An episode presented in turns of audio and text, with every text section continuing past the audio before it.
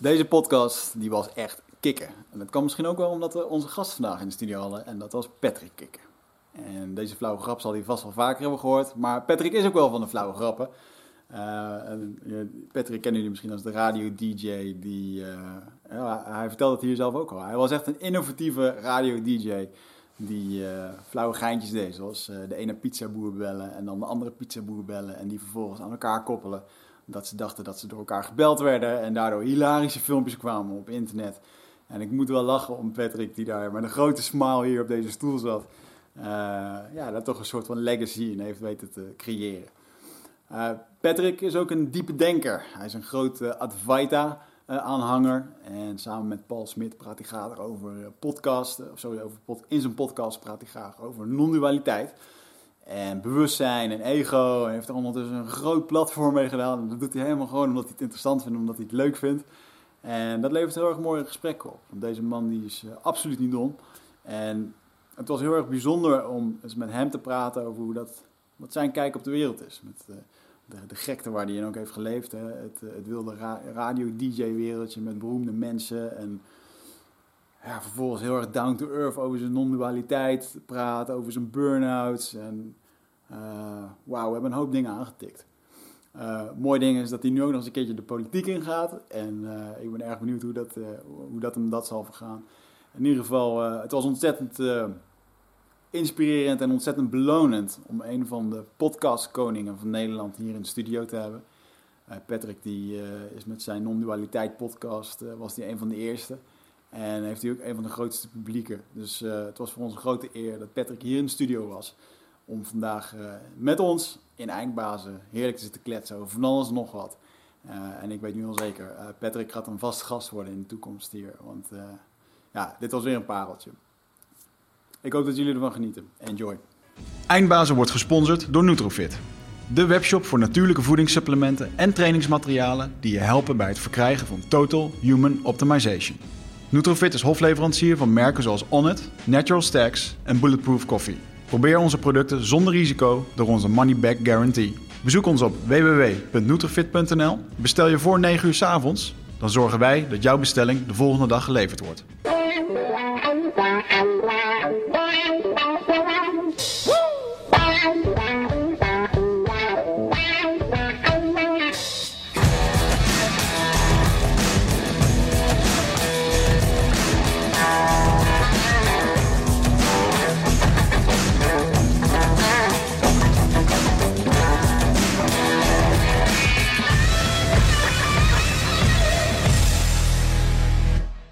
Hey, ik zei het net al, hè? Volgens mij de laatste gevulde koek um, sowieso in de studio. Mm -hmm.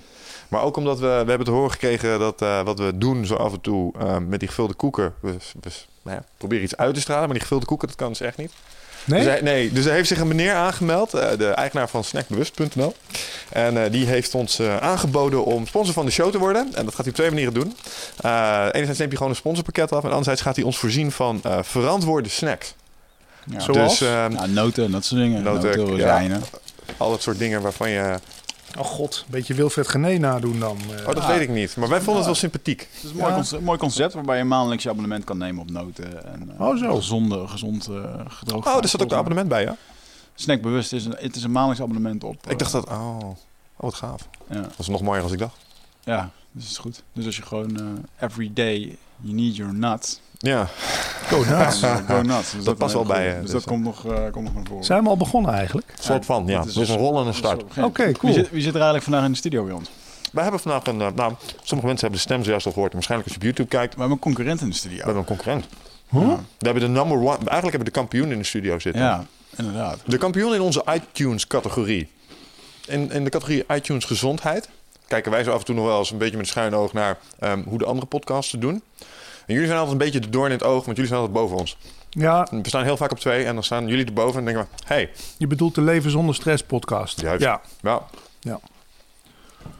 Ja, sorry. Dat geeft niet. Jullie doen het hartstikke leuk. Ja, jullie doen het ook al langer, dus maakt niet uit. Ja, maar en officieel is die andere podcast, Praat over Bewustzijn, die doet het weer minder goed dan jullie podcast. Dus hmm. Die staat vaker weer, de, maar die staat ook in de categorie religie en spiritualiteit. Was jij de, zo'n beetje de eerste Nederlander die podcastte? Denk het wel. 2008, 9. Nou, Adam Curry is eigenlijk de eerste. Dus de potvader, zo wordt hij ook wel genoemd. Hè? Godvader. Kunnen we die meneer nog een keer sturen? Ja, die moet je zeker een keer hier naartoe halen. Want die, naar het schijnt, eh, haalt hij ieder jaar iets van 100, 150.000 dollar binnen. Alleen aan eh, eh, donaties met zijn podcast No Agenda. Nou, Wij doen iets verkeerd. Ja. Nou ja, misschien meer over politiek praten. Ja. Nee, Nee, we- daar zijn we niet zo moeten we toegang voor. Wat zijn de onderwerpen Nou, hier? misschien gaan we wel eh, politiek. Ja, we gaan over de politiek praten. Seks? Eh, hoe bedoel je, hier in de studio? Ja? sterker nog, zelfs, eh, ja. er komt een of andere Kama Sutra. Nee, Ja? een eh? Tantra. Tantra, dat is een verschil. er komt een of andere tantra dude, eh, die zijn we bezig om te strikken, die wereldwijd bekend is. Dus dat is wel heel erg cool. En eh, nou ja, alles mag besproken worden hier, geen Ja. probleem. Cool. Ik wil wel even horen hoe het klinkt. Want ik ben natuurlijk een radiofiel. Snap Het mag ik. alleen niet over eh, de Zwarte Pieten discussie, discussie Nee? gesproken Gaan we het er niet worden over hebben? Wat mij Ja. betreft wel hoor. Jawel, ik heb opeens jawel. wel altijd een standpunt in de Nee, nemen. maar ik vind dat mooi, want dat is echt een... eh, dat is de media tegenwoordig, denk ik dan. Daar gaat het over. Sylvana, Houd toch op. Eh, ja, haal die een keer hier naartoe. Kom ik ook. Ja, Hmm, dat is wordt vast wel heel gezellig. Nou, dat zou Ja. mooi zijn. Maar wat doet zij nu? Is zij, ze, zij zit nu in de, pe- ik kijk al 15 jaar geen televisie, dus ik mis dit soort dingen. Hè? Ja, dat doe ik. ik En je was wel op televisie laatst. ja. En toen die hoofdredactie van Humberto Tan mij belde, toen eh, was mijn eerste opmerking, eh, wat willen ze nou met mij in Studio Sport? en eh, ja, nee, het was een grote eer om daar aan, daar aan tafel te mogen zitten. Maar nee, ik kijk geen televisie al 15 jaar niet. Hmm. Ik vind het echt vervuiling van je geest. Voor Nou ja, daar zit wel iets in. Hè, En, want het eh, moet er toch weer uit, hè, waar je je mee voedt. Ik, eh, een mooi voorbeeldje om daarop in te haken. In mijn eh, jungle trip had ik cadeautjes meegenomen voor de, de kinderen daar, de kleine indiaantjes. Papier blijft niet goed in de jungle. Dus ze kunnen daar niet echt tekenen en zo. En boeken, dat, gaat, dat vergaat eigenlijk allemaal. Dus als je daar papier meeneemt en tekenen, eh, kleuren dingen, daar worden ze helemaal wild van. Dus ik had binnen vijf dagen tijd meer dan 100 tekeningen gekregen. Van eh, kinderen tot en met volwassenen. Dus ook gasten van 26 die in één keer met een kleurpotlood daar laag te, heel creatief lagen te gaan. En Geen enkele tekening had sporen van geweld of eh, seks of eh, vernedering, bommen aanslagen. Terwijl, Ja. ik weet niet waar jij over eh, zat te tekenen toen je zes jaar was. Ah, A-Team, Airwolf, dat soort dingen. Ja. ja. Arnold Schwarzenegger die dingen eh, Ja. aan het opblazen was. Teenage Mutant Ninja Turtles. was voor mij wel echt een realisatie van... hé, hey, wat je toch in je, eh, in je hoofd stopt via televisie of radio... Dat, dat komt er op een manier Ja. uit. Ja man. Ik heb laatst een, misschien leuk even te vertellen, een gekleurde vrouw geïnterviewd. Echt waar, je was toch een racist? Nee, ik ging met een gekleurde vrouw in gesprek, een vriendin van een vriend van me, en die vertelde precies dat. Dus eh, ik zeg, waarom komt er toch zoveel stront op iedereen af op social media?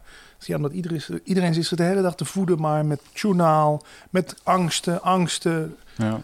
Eh, horrorfilms. Nou, dan, dan moet het er toch uit. Dan ga je maar zitten twitteren. Dan ben je in ieder geval een stukje Grappig van dat die... je dat zegt. Dat is waarom ik Saw bijvoorbeeld niet wil kijken. Ja, nee. Ik, ik hoef dat niet in mijn Nee. hoofd te hebben, weet je wel. Alsjeblieft, hou op. Dus die horrorfilm waarbij... Ja, Ah, ja. Nee, ik wil niet eens horen. Ik heb een paar podcasts geluisterd over eh, zeg maar, eh, vroeger de geschiedenis en hoe hardcore er daar soms aan toe ging. Zeg maar. Bijvoorbeeld nou, martelingen of hoe je omging met je vijand. Dat ik echt denk van, oh man, mijn mensen zijn echt heel erg. Ik zou, weten, ik zou willen dat ik dit niet wist, Ja. snap je? Want nou zwerft het ergens in mijn hoofd rond. Ja. Dat, dat is, ja, nou, en het dus- zoekt een vorm. Het zoekt daarna altijd een vorm. Dat heb ik daarna de Advaita geleerd, non-dualiteit. Als je iets inneemt, wil je het daarna in de vorm zetten. Ja. Ja. wil niet zeggen dat je meteen ook iemand zijn arm eraf gaat hakken. Hmm. Maar eh, heel veel ag- agressiviteit, negativiteit. Ja, het Ja. zoekt een vorm. Dus het moet er weer uit, is wat je zegt.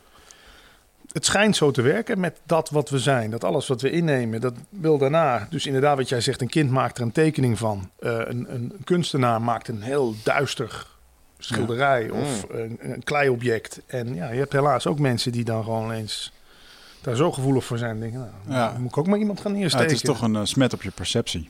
Kan, kan een Ja. smet worden op je perceptie, zeker wel. Hmm. Oh, Hey, maar eventjes eh, terug naar een, eh, een grote entree. Want jij bent, een- ja, maar ben je de bekendste radio-dj van Nederland? Ik denk het wel, een van de.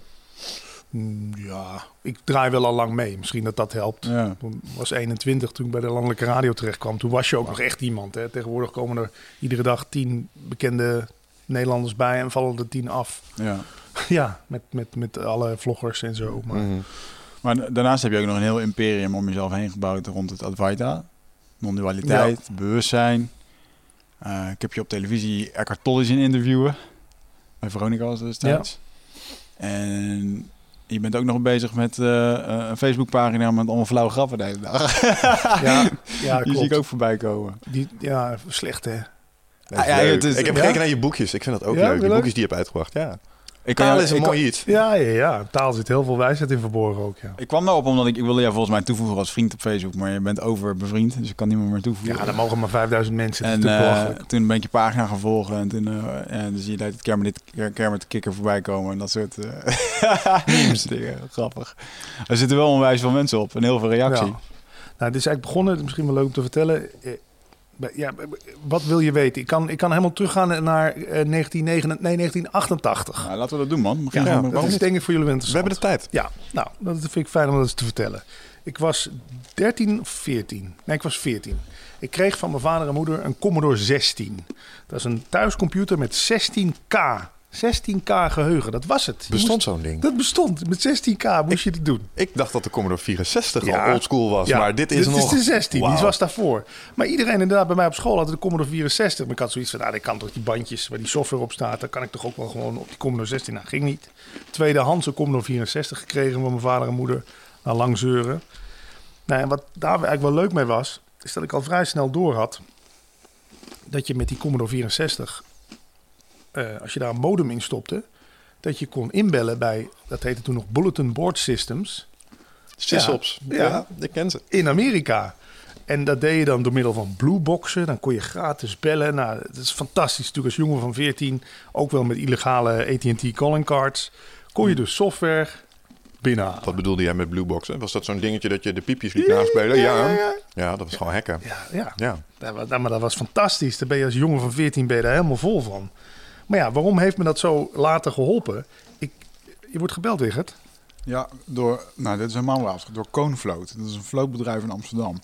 Ja. die- ik weet niet wat ze moeten van me. Ben ik wel eens geweest. Ja. Ja, kom alsjeblieft eens een keertje... Dat zullen ze opnemen. Zal ik ze opnemen? Zal ik ze opnemen? Ja, waarom niet? Hallo met Wigert. Hi, goedemiddag.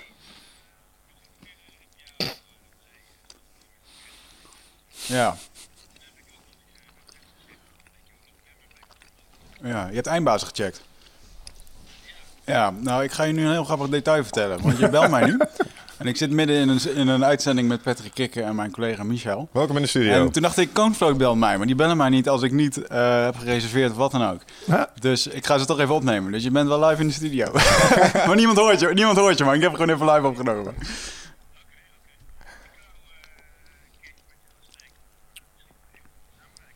Ja, lijkt me te gek. Ga ik je morgen over terugbellen, is dat goed?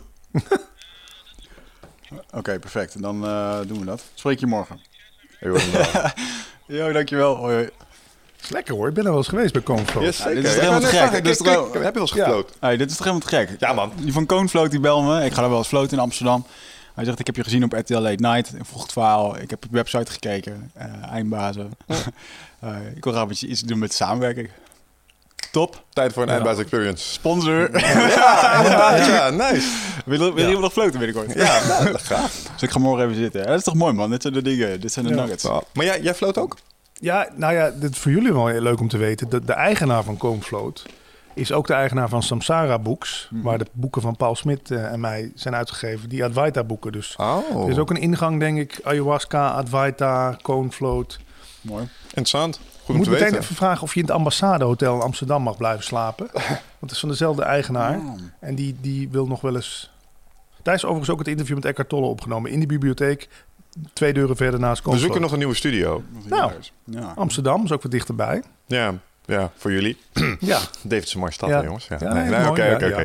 Helder. hey, maar ehm, grappig. Maar we hadden het over je Commodore 64 Ja. en dat is ook leuk. Ja, want wat het leuke daarvan is, doordat ik dus dat inbellen met software Ja, halen uit ja. Amerika al, wist ik eigenlijk toen dat internet opkwam van ja, dit, dit wordt huge. Dit gaat werken. En ik was een van de eerste in 1997 met een website, kikker.com. Je had nog geen, geen YouTube, je had nog geen, geen stijl, geen dumpert.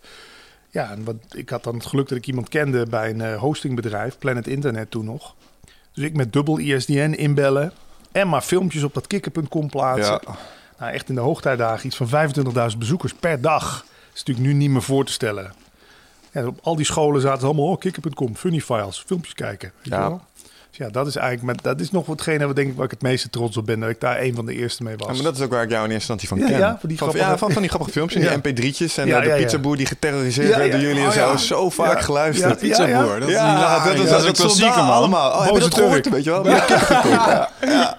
Hoe lang duurt Ja, die duurt wel lang, toch? Ja, die was lachen, man. Ja, Dat, gewoon, eh, dat was echt... het- Ja, dat was het oude trollen. Zo deed je dat vroeger. ja. Ja, grappig.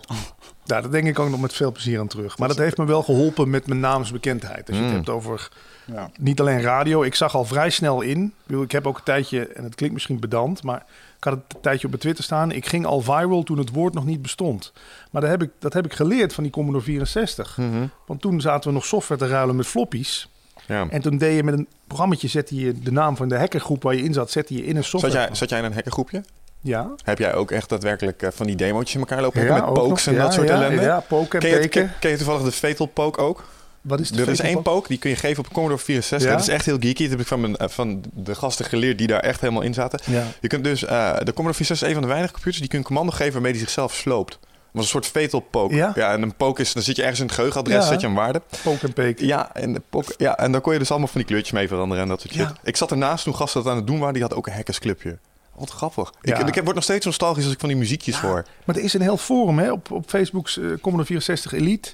Je hebt apps voor je telefoon Hmm. waarop je alle oude Commodore 64 p- spelletjes nog... Ja. Het is weer helemaal in het worden. Het is voor mij ook kippenvel als ik dan terugdenk. Die Ja. tijd, man. Ik, en Amiga ook een beetje hetzelfde mee. Want de muziek was daar aanzienlijk beter op Toen kon je natuurlijk. 16-bit samplen. Heb ik nog met Pro Tracker muziek zitten maken. Ja, dat was fantastisch die De tijd. spelletjes waren leuker. Ja. Ja, en toen Ja. zat je echt, dat, wat ik zo grappig vind, is dat ik toen met zoveel verwondering naar die games zat te kijken. En dat ik echt dacht, wauw, dat dit allemaal kan, zeg maar. En dan, dan zaten we te fantaseren over wat er straks allemaal mogelijk zou zijn met die computergames. En als Ja. je dan kijkt waar het nu staat en wat er kan. En dat je dan, ik kan er niet meer met dezelfde verwondering zoals vroeger naar nee, kijken, merk nee, ik. niks is Dat- meer speciaal. Dat vind ik zo jammer soms, want toen was het echt van wauw. Dus als ik die muziek hoor, dan is het nog direct instant ja, het is heerlijk. Gaaf. Ja. leuk.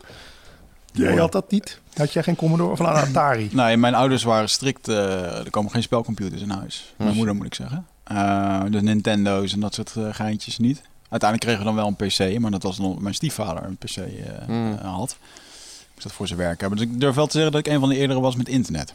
Ja. Eh, en dan had je nog dat Access for All, waar dan al die linkjes op stonden. En dan zag hij precies dat het een linkje paars was geworden als ik ergens op had geklikt. Ja. Dus als ik stiekem naar Ja. blote titel zit te kijken, toen ik 12 jaar was, werd dat gemeld. Toen hadden ze nog geen incognito-modus. Nee, ja, wist ik veel. En dan probeer je het toch, hè, in de hoop dat het niet achterkomt. En, dan, en toen dacht ik, toen weet ik nog dat ik dat dacht, shit, nu is het gekleurd. Dan heb ik alles aangeklikt, zodat alles gekleurd Oh, dat is wel slim, ja. Dus Ja. dat- ja. Dat was echt eh, het fijnste aan op het moment dat er meerdere browsers op de markt komen. Dan had je een browser voor je normale werk en een browser voor de porno. Oh, Ja, ja, ja, ja. Hmm. ja. Ja, ja, mooie tijden. ja. Maar goed. En toen? En toen? Ja, toen ra- in, in 95 al radio eh, bij de Tros. En toen zat ik al met ICQ op de radio, was ik, was ik druk mee. Uh-oh. Ja, ik weet mijn nummer nog, 14563 prachtig.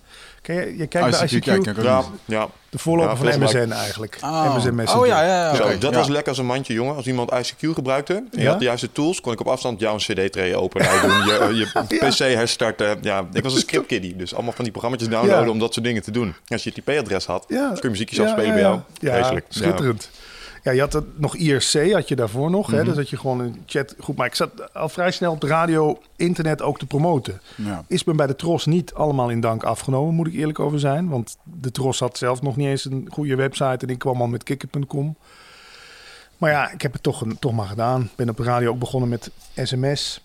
Eh zei mijn baas ook toen bij de Tros van ja, maar sms dat doet toch niemand. Eh, stop daarmee. Flitsers voorlezen dat wil ook niemand. Dus nog niet om te zeer, ja, misschien een beetje opscheppen. Maar ik ben altijd wel vooruitstrevend geweest. Ik dacht, ja, we moeten het gewoon op de radio gaan doen. Ja. En dan later, drie jaar later of zo, deed iedereen het. En dan denk je, ja, Hmm. Wat me dan opvalt is dat het allemaal met interactie te maken heeft. Ja. Meer de, minder Ja. zenden, meer interactie. ja ik probeer altijd met, te verbinden met luisteraars. is toch het leukste. Hmm. Ja. Dat, ook telefoongesprekken voeren heb ik altijd het leukste gevonden. Radio. Gewoon, vooral, ik heb een tijdje s'nachts gezeten bij 3FM. Dan hadden we nog een gratis telefoonnummer. Hmm. 0800 13FM. 0, dat is nu ook niet meer in, hè, met, die naam, met dat naam bellen. 0800 1336. En toen belden echt de meest ludieke mensen belden op. Ja, daar zul je wel wat... De freaks come out at Ja. night. Maar leuk, ja, ik hou daarvan. Als er een beetje een hoek af is bij iemand. Dan denk ik echt, ja, fantastisch. Die moet de zender op. Wat is je daar met name van bijgebleven? Noem eens een anekdote. Eh, Nico uit Maastricht belde altijd. Bij naam ook gewoon. Die zit gewoon in zijn zijn Ja, geheugen. dat was Altijd, fantastisch.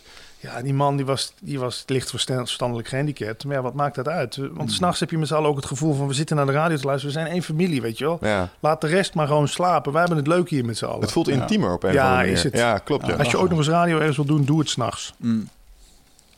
Dus ja, dat was mijn leuke anekdote. Mag ik deze mee naar huis nemen? Deze mag je hebben van mij. Echt waar? Ja, neem mee. Dit is te gek. Ja. Dit heb ik nog nooit in mijn leven... Hij komt uit een Christine Ludiek pakket. Kregen ik ook nog een kregen erbij gratis, maar we vonden hem niet lekker werken. Dit is fantastisch. Je hoeft zelfs niet meer te roeren. Weer, het is een beetje kleinzerig. Mooi. Ja, melkklopper. Hoe echt. noemen ze dit? Een melkklopper, ja. Fantastisch. Krijg je van mij een pak tukjes. Goeie Super, raad, toch? dat is een topdeal. Alsjeblieft. Kijk, Zo, zo wordt dat geregeld hier. barter deals. En wanneer komen de drugs op tafel eigenlijk? Want daar kom ik voor. Oh, dude, ik ben net zes weken, eh, zes weken alleen maar drugs gebruikt. Nee, ik bedoel in letterlijke zin. Ja. Nee, maar vind ik wel even interessant met jullie aan te snijden. Ik bedoel, ik, ik werd geïnterviewd door Nieuwe Revue. En toen vroegen ze me, daar hebben ze zo'n rubriek. En dan zeiden ze van, eh, wat kost 1 gram kook? Ik denk, ja, ik had eerst als bedacht, dan moet ik mijn dealer even bellen. Meneer is met vakantie. Haha. Ik denk, maar ik antwoord gewoon. En dat vond ik ook echt. Ik zeg, ehm, wat kost 1 gram kook? Te veel, legaliseren die handel. Eh, ehm, ik ben eens benieuwd wat jullie daarvan vinden. Van legaliseren. Ja. Mm. Ja, cannabis sowieso. Uh, al is het alleen maar om de economische benefits die het biedt. Ik bedoel, ehm, cannabis, ja, als je daarnaar kijkt, dat heeft een eh, eh, nogal pokdalig verleden, zeg maar. Het is altijd een beetje onderdrukt geweest als zijn de recreatief middel. Terwijl drugs, eh, als je naar alcohol kijkt, nou ja, dat staat niet helemaal op dezelfde voet met elkaar. En in Amerika zijn ze de gezondheidsvoordelen nu ook steeds meer aan het inzien. En ze zien ook de economische impact die het kan hebben. Ze zijn allemaal aan het legaliseren. En als je kijkt wat dat daar teweeg brengt, uh, niet alleen maar voor mensen die nu plots beschikking krijgen over een medicijn dat ze echt helpt met van alles en nog wat.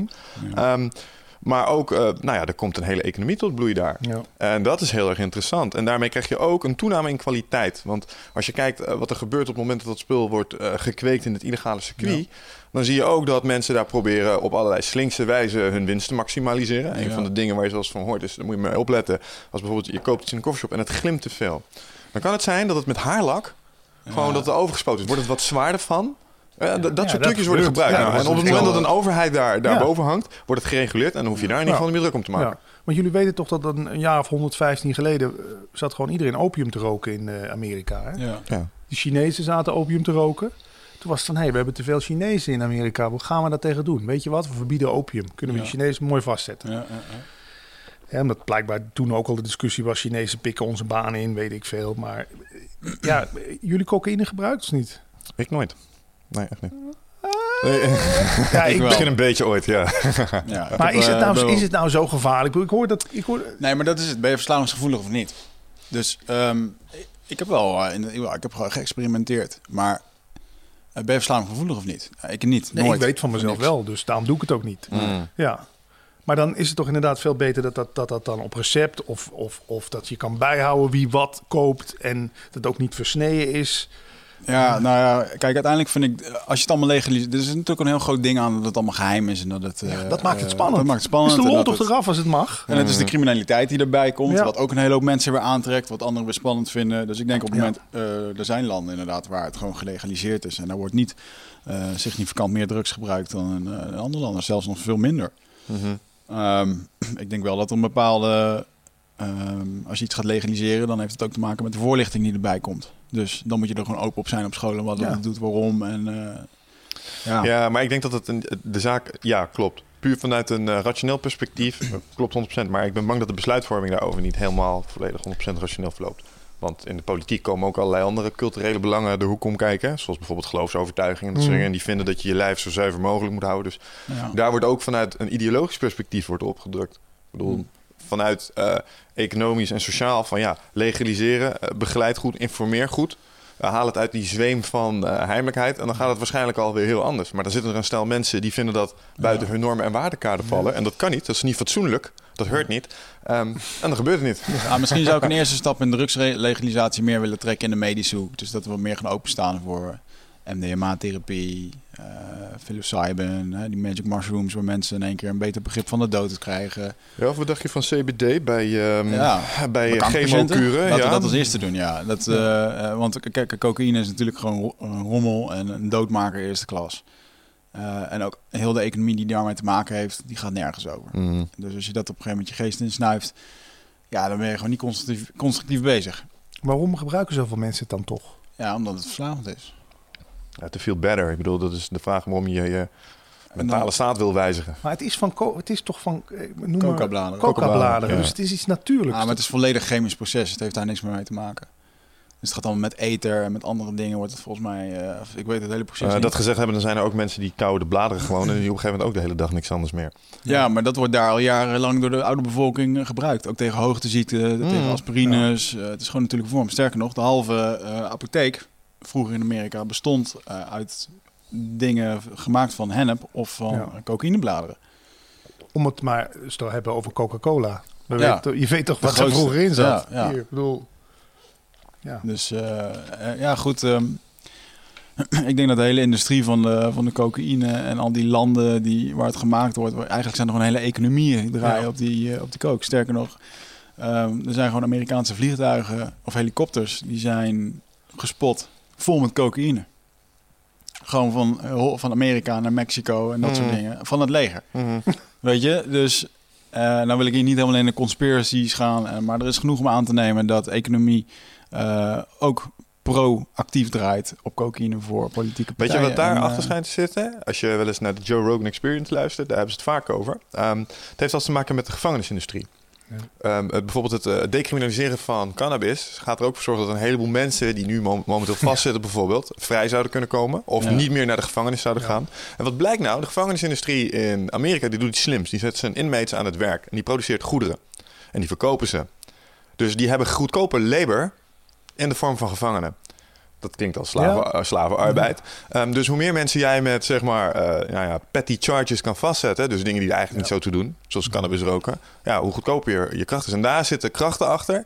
Die willen liever niet dat het gelegaliseerd wordt. Dat is een spanningsveld. Daar wordt voor gelobbyd. Dus er wordt vanuit het gevangeniswezen en de wapenhandel wordt er gelobbyd om het illegaal te houden. Ja. Ja, Dat is raar. ja. Dat is En raar. de straffen voor eh, crack zijn vele malen hoger in Amerika dan voor cocaïnebezit. ja. Omdat crack toch de drugs zijn voor de wat armere bevolking. Mhm. Er staat een hele mooie documentaire over op Netflix. Wat jij zegt, die, dat hele industrie, is gewoon een hele industrie, de gevangeniswezen in Amerika. ja, ze krijgen ook betaald per nieuwe... Ja. Agenten krijgen bonussen per, opge, eh, ja, Ja. per Ja. gevangene en zo. Het is een heel krom systeem. Dus de coke kan op tafel. Eigenlijk, ja, maar de crack dan weer niet. of de meth. Nou, e- even over drugs. Ik denk dat er wel echt, eh, dat er wel een, eh, ik denk dat de overheid er wel een rol in heeft. Want er zijn ook echt wel dingen beschikbaar. Waarvan ik denk dat je ze eigenlijk niet vrij onder een, een bevolking moet laten circuleren. Neem bijvoorbeeld de heroïne, dat is er één van. Eh, die, Ru- die Russische prettige subvariant die ze van paracetamol maken, krokodil of zo. Ja, als je kijkt wat dat met een menselijk lichaam doet en hoe dat het, het, Ah, het, ja. het ratio van mensen aftakelt. Kom op. Ja, maar dat zijn gewoon die... eh eh bath, salts. bath salts, ja. Ja. nee, dat is weer iets anders. Eh, dat heb je ook. Bath salts, dat zou je ook moeten... Het zijn van die dingen die je in de smartshop kan kopen, die zijn dan legaal. Maar op het moment dat je bijvoorbeeld een, eh, een bepaalde molecuulstructuur, die is verboden. Hmm. Maar op het moment dat je het bijvoorbeeld een halve minuut langer zou verhitten, dan verandert die molecuul een klein beetje. En dan mag je het wel verkopen. Ja. En dan dan zijn dat dus de, zogenaamd een badzout wat je in je bad gooit om lekker te ruiken en te doen. Maar schijnbaar als je dat oprookt, dan... eh, ik weet niet waarom mensen het überhaupt roken, man. Als ik die Kijk maar filmpjes op YouTube zit. Kijk Fuck, maar eens filmpjes. Die gasten worden zombies. Die gasten die worden... Ja, de zombies... Niet de zombies van... uh, langzaam. Nee, de zombies van... Ik kom met... Uit 21 Days. Ik kom vol speed achter je Ja? aan en ik ga je hoofden afkouwen, zombies. Ja. Die gasten. Nee, maar die gasten, ze, ze verliezen controle over hun brein. Raken in een soort psychose. Alles om ze heen. En dat wordt dan achteraf door die mensen beschreven. Dan zien ze... Dan ben ik in de psychose. En dan zie ik jou plots als een demonische entiteit. En daarom word ik wild. Ja, Ja, nee, en- dat is niet best. Nee, en je ziet ze om zich heen slaan en ze zijn de, hun hele controle over hun lichaam kwijt. Ja. En denk ja, weet je, als dat in de winkel ligt, daar mag je als overheid best wel iets van vinden. Ja. Denk ik. Ik krijg nu wel zin om Breaking Bad te gaan kijken. Ja, dat wel, ja. Maar de legalisatie is eigenlijk... ehm, ik ben er alleen maar voor, zodat criminaliteit omlaag Ja. gaat. En ik dat ben het- er niet voor dat mensen eh, maar losuit gaan experimenteren. Want ik ben van mening Ja. dat drugs helemaal niet goed is voor mensen. Nee, maar dat is nou het grappige. Je weet toch ook, alles wat verboden wordt, dat is, wordt interessant, toch? Ja. Je tegen mij zeg je mag nu niet achter die deur kijken. Ja, denk maar dat ik de hele tijd denk, wat zou er achter die deur zitten? Ja. Terwijl als je het inderdaad gewoon, als het beschikbaar is en gereguleerd wordt, en misschien eh, wat jij zegt voor medicinaal gebruik, misschien is cocaïne wel op een bepaalde manier. Oh, ik denk dat het een tweak is, maar Ja. ehm, er zijn ook bijvoorbeeld mensen die hun hersen, hoe zeg ik dat? Mensen hun hersenen re- ehm, werken heel specifiek op bepaalde dingen. Sommige mensen hebben een bepaalde werking met alcohol, sommige met Mhm. cocaïne. Het is allemaal Ja, maar eh, custom made. kijk naar Ritalin. Ja, Ja, Als je, als je mijn profiel hebt, word je er rustig van. Ja, Mhm. neem maar iemand anders die gaat er echt op aan. Ja, zeg maar, de, ja. de, de, de interacties zijn Ja. per persoon Ja. verschillend. ja. Maar ik weet niet, man. Ik denk dat je...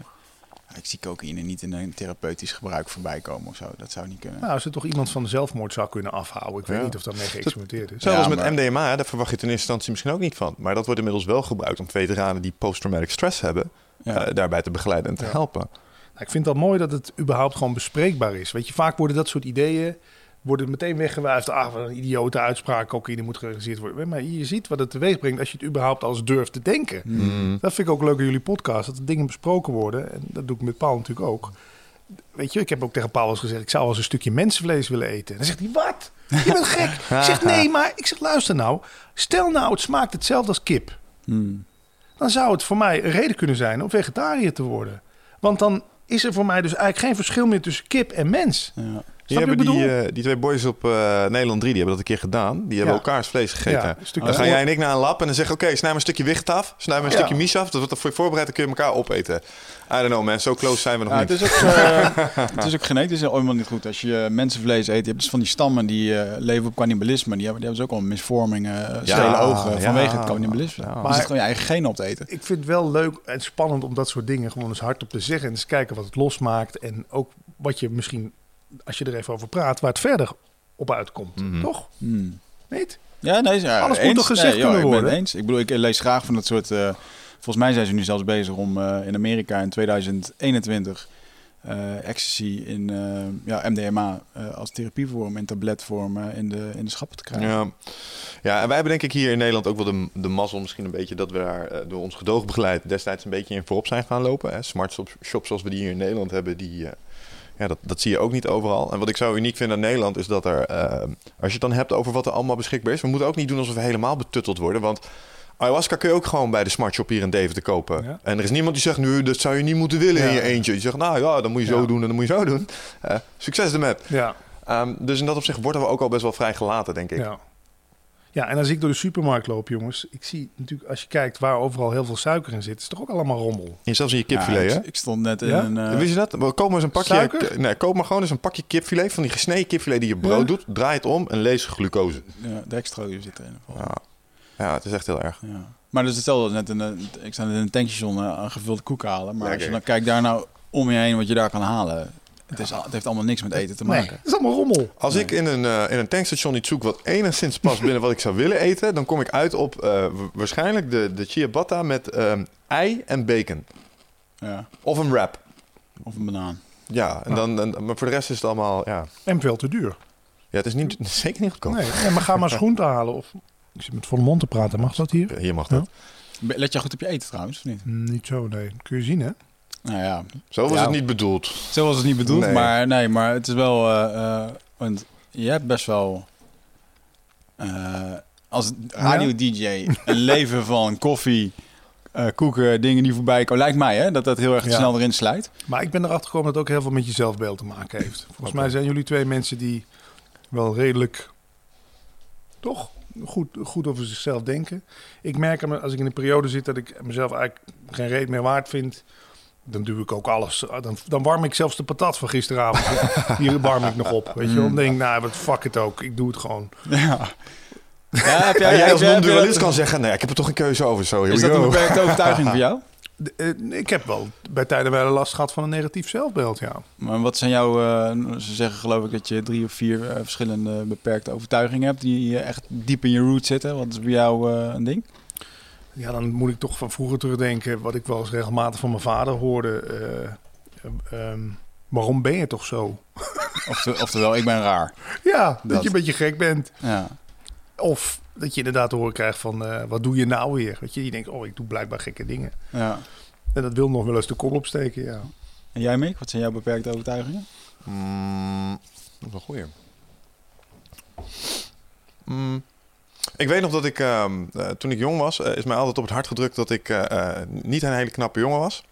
Ik weet nog, ik heb tantes gehad, zeg maar. En die zaten, dan zat je dan naast als vierjarig jochie met de duim in je mond. En die zeiden van, "Ah, je bent zo lief, maar je bent zo lelijk. Weet je wel. Echt Zo, waar? ja, ja, ik was echt, ik was een hele lelijke, veel te grote bril, weet je. Want ik, ik Zeiden ze dat gewoon? Ja, ja, ja, dat weet ik nog heel stuk. Ja, ja, ja, Ja, maar je, dat zie je dus. Dat Op blijft je bij. Op de brandstapel ermee. Ja. Nee, het was een hartstikke lieve tante. Maar ze bedoelde het ook echt, echt hartstikke schattig. Maar, Ja, eh, bleek. maar als klein, het- blijkbaar is dat wat naar boven komt als ik dat nu nog... Ja, eh, natuurlijk. Ja, grappig. is ook wel heftig, man.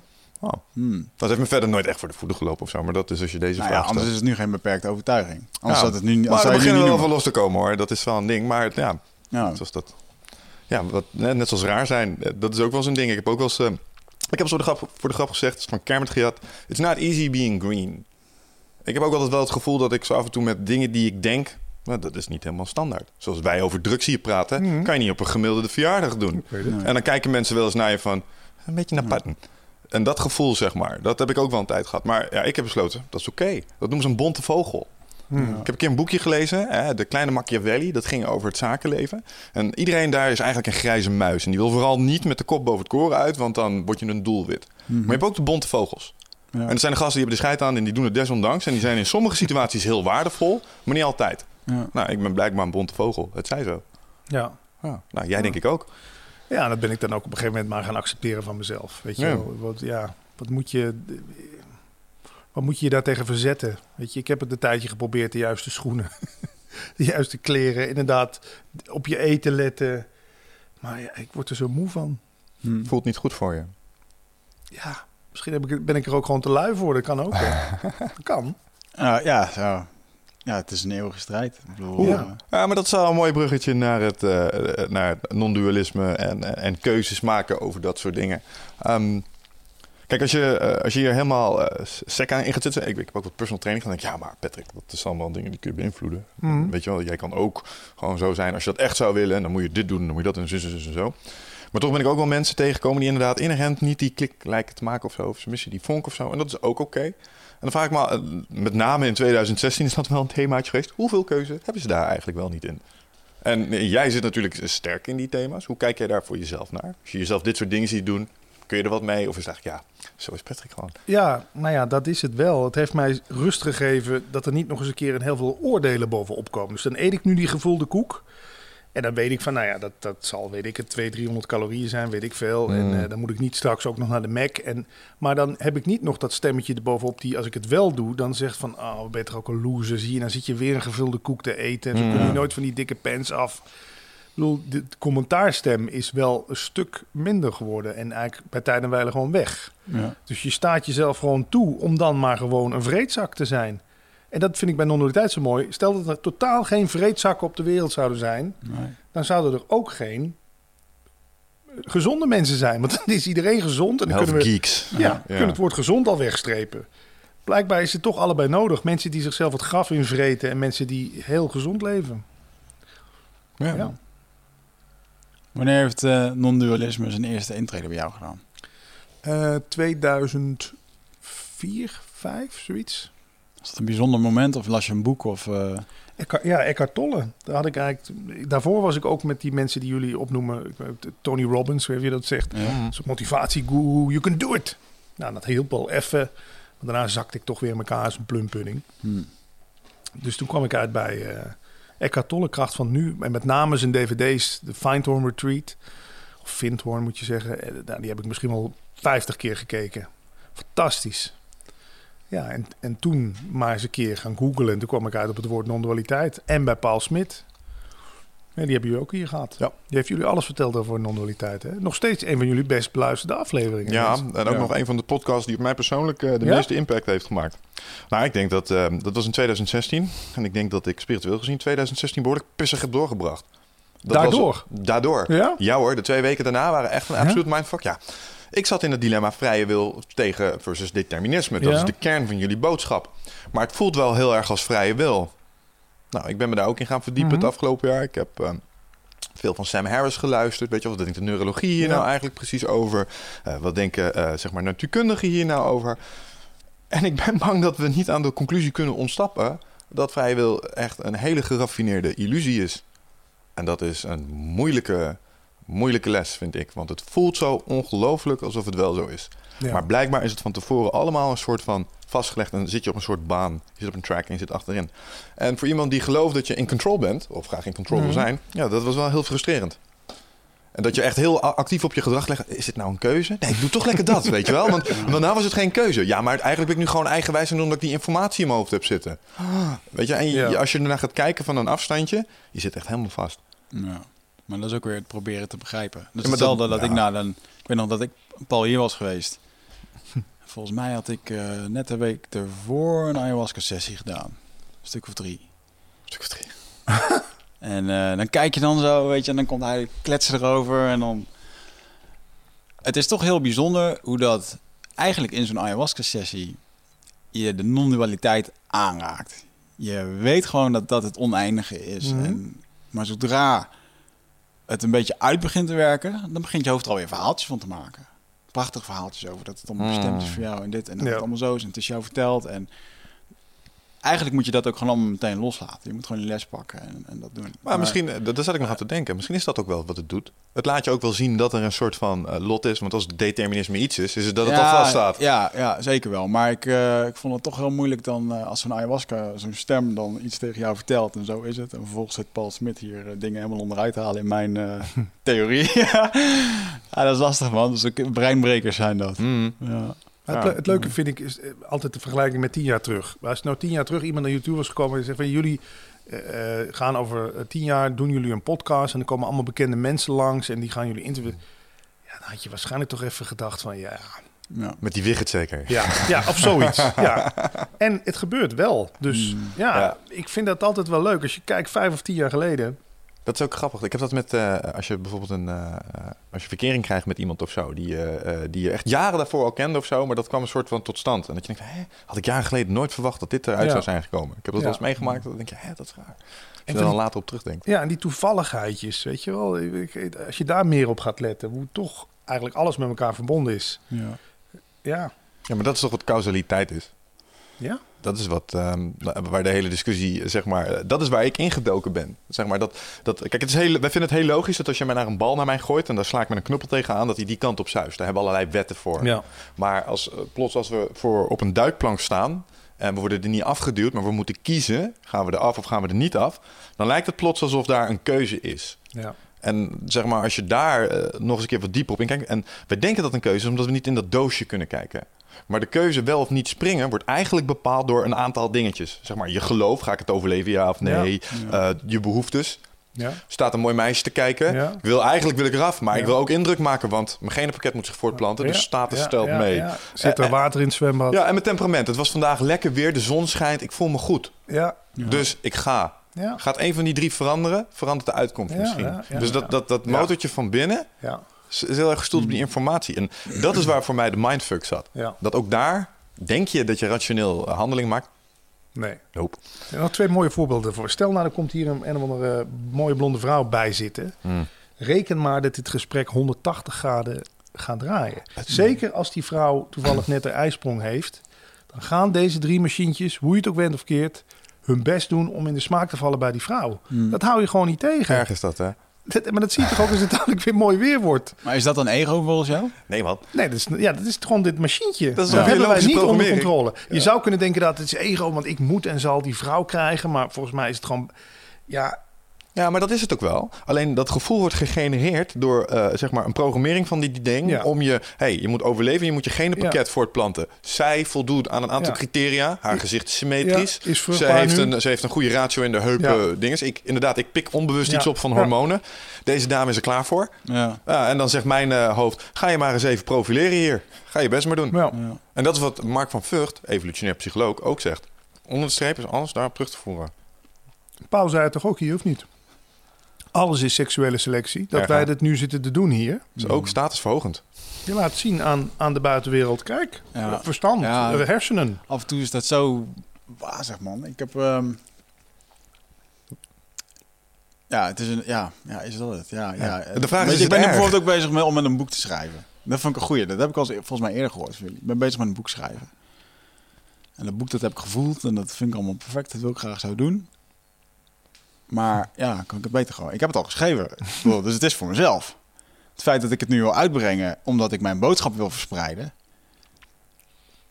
Is ook Daar hoor ik, jou, bij- hoor ik jou bij denken van ja, dat, dat, Ja. daar heb je een... eh, dat doe je om een reden. Dat doet dat, het. is- dat is Ja. ego. Ja. Ja. nou dat poppetje doet dat inderdaad omdat het gezien wil worden. En ik heb ook wel eens een psycholoog horen uitleggen. Het is natuurlijk omdat we weten dat we doodgaan. We willen, we willen gewoon iets achterlaten. We willen eigenlijk soort- maar hoe zit het dan met mijn, mijn boodschap verspreiden?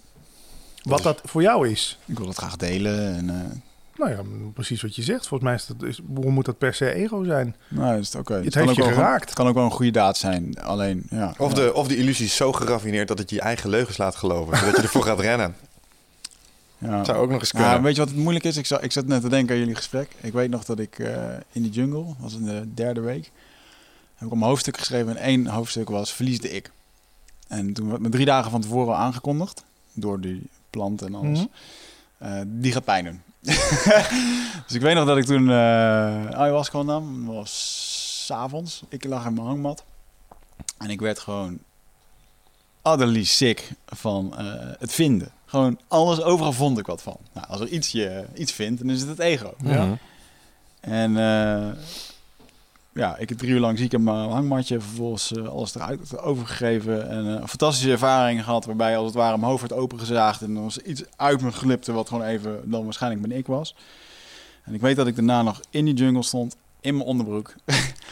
Half verdwaasd. En dat ik echt de bomen en mijn dingen alles door elkaar zag. Ik zag gewoon dat die bomen als het ware door mijn lichaam heen gingen. Oftewel, het alles is één gevoel. En ik kon niks anders van maken dat dat pure liefde was wat ik daar ervaar. En dan ben je vier weken later terug. En dan heb je toch gewoon in één keer weer eh, irritaties en oordeel. En eh, het is zo onwerkelijk om dan daarvan terug te komen naar hier. En het ook nog te proberen te begrijpen. Ja, wat was het dan? Weet je? Waarom moet het dan ook allemaal zo moeilijk zijn? Ja.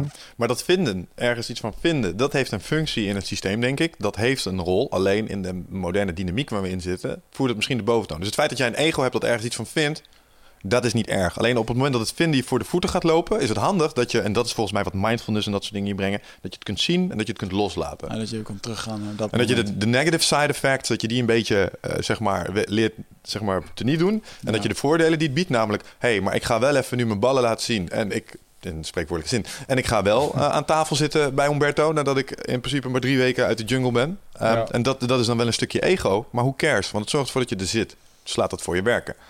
Ja. Ik denk niet dat dat erg is. En ik- vind het koud hier nu. Ik sta te verwarmen. aan. Dat is oké. Wil je nog een kopje koffie of een kopje thee? Eh, je, je hebt geen melk voor erin. Nee, Ik drink sorry. mijn kin- kinderkoffie, drink ik. Maar ik ben wel blij met mijn dingetje. Wil je thee? Eh, wil je theezak? Wil je koffiemuts? Is dat geen cowboy? Gaan we die kant op?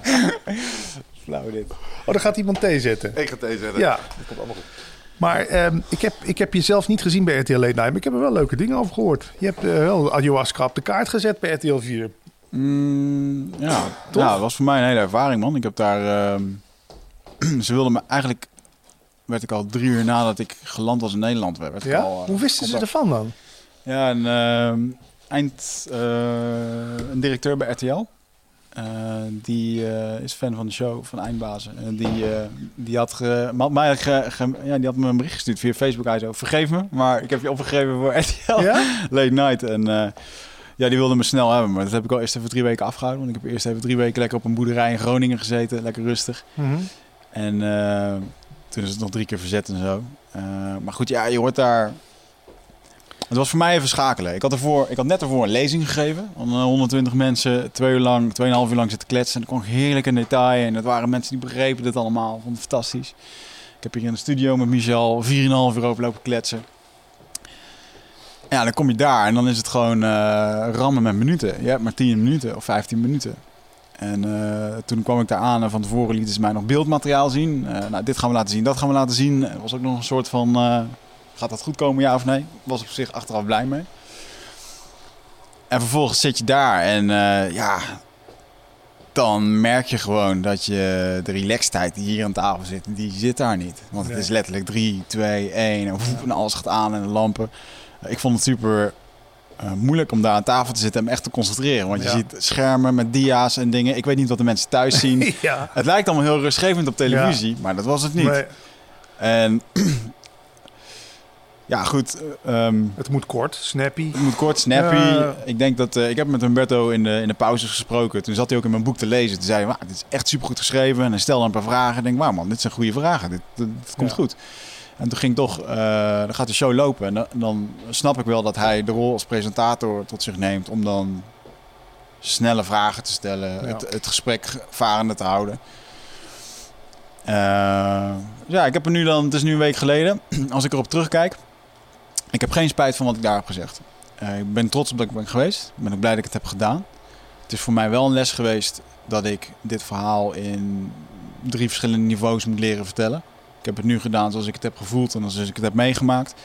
Eh, daar denk ik dat je een hele hoop mensen die, die, die kunnen daar nog niet bij. Daar Ja. was de tijd misschien te kort voor. Ik denk dat het publiek daar liever had gehoord. Dat het ontzettend bijzonder was geweest dat die, dat die mensen alles uit de jungle halen. Dat ze eh, daar geen, geen ziektebeelden hebben, zoals burn-outs, depressies. Ja. En dat is veel behapbaarder. Ja. Daar heb ik een goede feedback op gehad hoor, van een paar, eh, een paar vrienden van me. Eh, dus dat is wel een, eh, een les voor mij geweest. Maar joh, hey, je kan niks terugdraaien en ik ben er helemaal content mee Ja. wat ik daar heb gezegd. Ik hoorde alleen mensen over je. Je had een jasje aan. Je zat er een beetje zakelijk bij of zo. ik had mijn stroppels aan, Ja. mijn jasje, ja. Wa- waarom? Ja. Bewuste keus. Ja? Ja, omdat ik daar... eh, Want dat strookt niet zo met het een beetje het idee van de vrije geest die de jungle ingaat. Nee, maar als ik daar in een witte jurk met blauwe, blauwe kralen had gezeten, dan was het ook weer het standaard Nee. prototype geweest. Ja, nee, ik zeg alleen maar wat ik hoorde. En eh, kijk, het, het prototype, ja goed, dan, dan maken we weer ergens een type van, van Ja. wat hoort. Ehm, ik vind het gewoon heel erg fijn om op nationale televisie te zijn en daar te presenteren wie dat ik graag wil zijn. Ja. Ik voelde me daar fijn in. Nee, als dat jouw ding is, dan En, moet je het gewoon eh, doen. Maar eh, en achteraf heb ik daar ook eigenlijk heel veel goede reacties op Ja? gehad. Want het tikt juist weer een hele hoop mensen aan van, eh, doe het met een stropdas. ja, ja, ja. En eh, ja, ik weet niet. Ik denk, el- ik denk dat, dat is ook weer vaag, hè? De, elke kledingkeus Ja, had weer een andere uitwerking gehad op honderd andere mensen. ja, ja, ja. Nou ja, en dat, dat, daar, daar wil ik jouw mening wel eens over horen. Op Facebook, iedereen positief. Ja? Ik heb eh, berichten gehad. Ik ben gevraagd voor het openen van de hogeschool in Rotterdam met een of andere tweedejaars. Betaalde dingetjes en Top. noem het allemaal op. Helemaal vet. Ehm, Is dit speciale thee trouwens?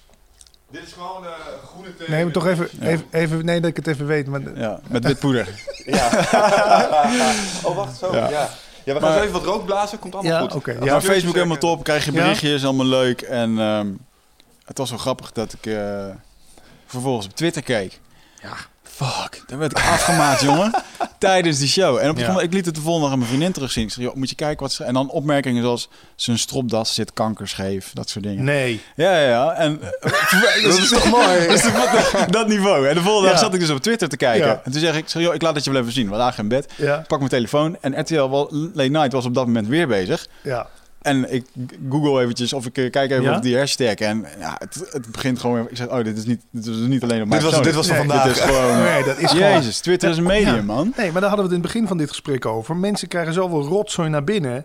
Zodra ze ook maar even de kans zien om even wat rotzooi te ventileren, dan gaat Ja, het man. gebeuren. Ja. Ja. Dat, dat heeft niks met jou te maken. Het is hun rotzooi. Nee, nee, dat Dus, dus ik had dat ook. Ik had dat over die Sylvana getweet. En toen- zag ik ook dingen voorbij komen. Ik moest er zo... Ja, ik moet er dan gewoon keihard om lachen. Wat is, de, wat is het verhaal van... eh, laten we eerst beginnen met... Wat is het verhaal tussen jou en Sylvana? Wat is het verhaal met Sylvana? Want ik zie er alleen maar voorbij komen op... op op Wie is het ook alweer? Laten we op. Facebook feeds. Dan, dan staat ze weer op Dumpert met een of ander fragment... wat natuurlijk niet helemaal weergeeft wat ze doet. Maar ehm, Nou, Sylvana Simons werkte vroeger bij TMF. de Dat is waar ik Factory. ken. Juist. Dat was de VJ, gekleurde vrouw, mooie bos krullen, heeft heel veel verstand van soulmuziek. Heeft ook een tijdje bij Radio 6 een programma gedaan. En die gaat nu de politiek in. En die heeft zich de laatste jaren heel erg verzet tegen het fenomeen Zwarte Piet. ja, Oh, ja. En ja, zelfs to- zo vaak en zoveel in de media... dat heel veel mensen een hekel aan haar beginnen te krijgen of hebben gekregen. Hmm. En ja, ik, wat ik vervelend vind, dat ik als, als blank... Ik, ik zag mezelf niet eens als blanke man, ik ben blijkbaar een blanke man. Ja. Hè? En ik durf nu al niet eens meer het woord zwart... of het woord Marokkaan Hmm. of het woord allochtoon uit te spreken... zonder dat ik denk, "Oeh, maar misschien ben ik wel racist. Het is raar. Het zijn gewoon Nederlandse woorden volgens mij. Die lading die er allemaal op zit. Ja. Dat, is wat, dat is wat mij zo steekt aan het hele verhaal. Je moet je toch gewoon vrijheid kunnen, kunnen bewegen en praten. We zeggen toch ook domme Belg. We zeggen Ja, man. eh, rare Limburger, eh gierige Hollander, eh, stomme Duitser. Maar zodra je dan kut Marokkaan zou zeggen, hè, Ja. dan hoor, hoor wat hij gezegd heeft. Hey, als ik de sportschool binnenkom lopen, dan hey, kaas. Dat zijn de donkere jongens die mij een kaaskop noemen. Daar heb ik toch geen probleem mee. Ja. Dat vind ik lachen. Ja, dat vind ik ta- grappig. Tata's zijn we. Ja. Hoe cares? Mhm. Maar nou ja, dat is wat. En het levert zoveel verdeeldheid op. Op het moment dat je je zo gaat verzetten tegen iets als Zwarte Piet. Kom Hoe komt het, denk je, even in psychologische zin, want ik heb het daar wel met wat mensen over gehad. En eh, hoe komt het dat een Sylvana Simons zich zo ontzettend druk maakt over dit Zwarte Piet gebeuren? Het heeft te maken met de relatie met zichzelf. Dat. Denk je dat echt? Denk je niet dat het gewoon populisme ja, is? eventjes, ehm, nou, maar ja, ja, maar dat is, ja, ik weet niet. Is dat niet een uiting daarvan? Weet ik niet. Ik Ik, want- ik, ik, ik, ik denk dat als je, als je de politiek ingaat, dan wil je graag ook een paar punten scoren. Je wil brownie points hebben. Dus je pakt een thema waarvan je denkt: oké, hier ga ik mensen mee voor me winnen. Dus eh, ik pak iets wat beladen is. Nou, Brownie dat- point, zegt hij dan ook. Ja, brownie. Nou ja, precies. Nee, dat- nee, nee, nee, bullshit. Ja, bullshit. bullshit. Brownie Ja, points is eh, gewoon een normaal ja, woord. ja. Suggereert dat je... Ja. Rot op. Ja, maar zo zie je maar. Ja. Alles wordt me uitgelegd als racisme. Ja, maar je, ik heb het ook aan een gekleurde vrouw geïnterviewd een tijdje terug. En dat zei ik al. En haar gevraagd. Volgens haar begint het in de opvoeding. Als jij als, als kleinkind papa die een kleurtje heeft of, Mm. of Marokkaans is thuis moet komen en zeggen... Ah, die, die rotbaas van mij... eh, die heeft me weer eh, de kutklusjes gegeven. Is waarschijnlijk dat ik Marokkaan ben. hè, kan Ja, ik ja. Zo'n kind krijgt dat mee. Maar dat is, zelf, dat is ook weer het zelfbeeld van die pa. Ja. Je, bedoel, als zo'n kind gewoon vanaf dag één te horen krijgt van je bent gewoon Nederlander, punt. Het heeft niks te maken dat wij Marokkaans zijn. Kans is groot dat, dat Sylvana zoiets in de eh, jeugd toch heeft meegekregen. Dat Ja. ze gewoon anders is of minder waard. Of... Vinden we dat trouwens Je, niet... kan, je kan niet kwalijk nemen. Ik, bedoel, Ik wou zeggen, Nee, vinden we het niet een beetje ze waar? Ja, maar is het ook niet een beetje waar? Er zijn wijken in Nederland, bijvoorbeeld... Laat was er zo'n heel gedoe met die, die straatbloggers uit Zaandam of zo. Dat zijn dan jongens die zijn ernstig gefrustreerd over hun kansen. En dan kijk je krijg je een beetje een kijkje in hun dagelijks bestaan. En dan denk ik, Mhm. ja, als dit, je, als dit je omgeving is, snap je? Dan kan ik me voorstellen dat je het gevoel dat je eh 1-0 achter staat ten opzichte van de normale Ja. maatschappij. Of wijken als Hoogvliet, zeg maar, in Rotterdam, waar soortgelijke dingen gebeuren. Vinden we dat dan te- terecht dat ze daar iets van vinden?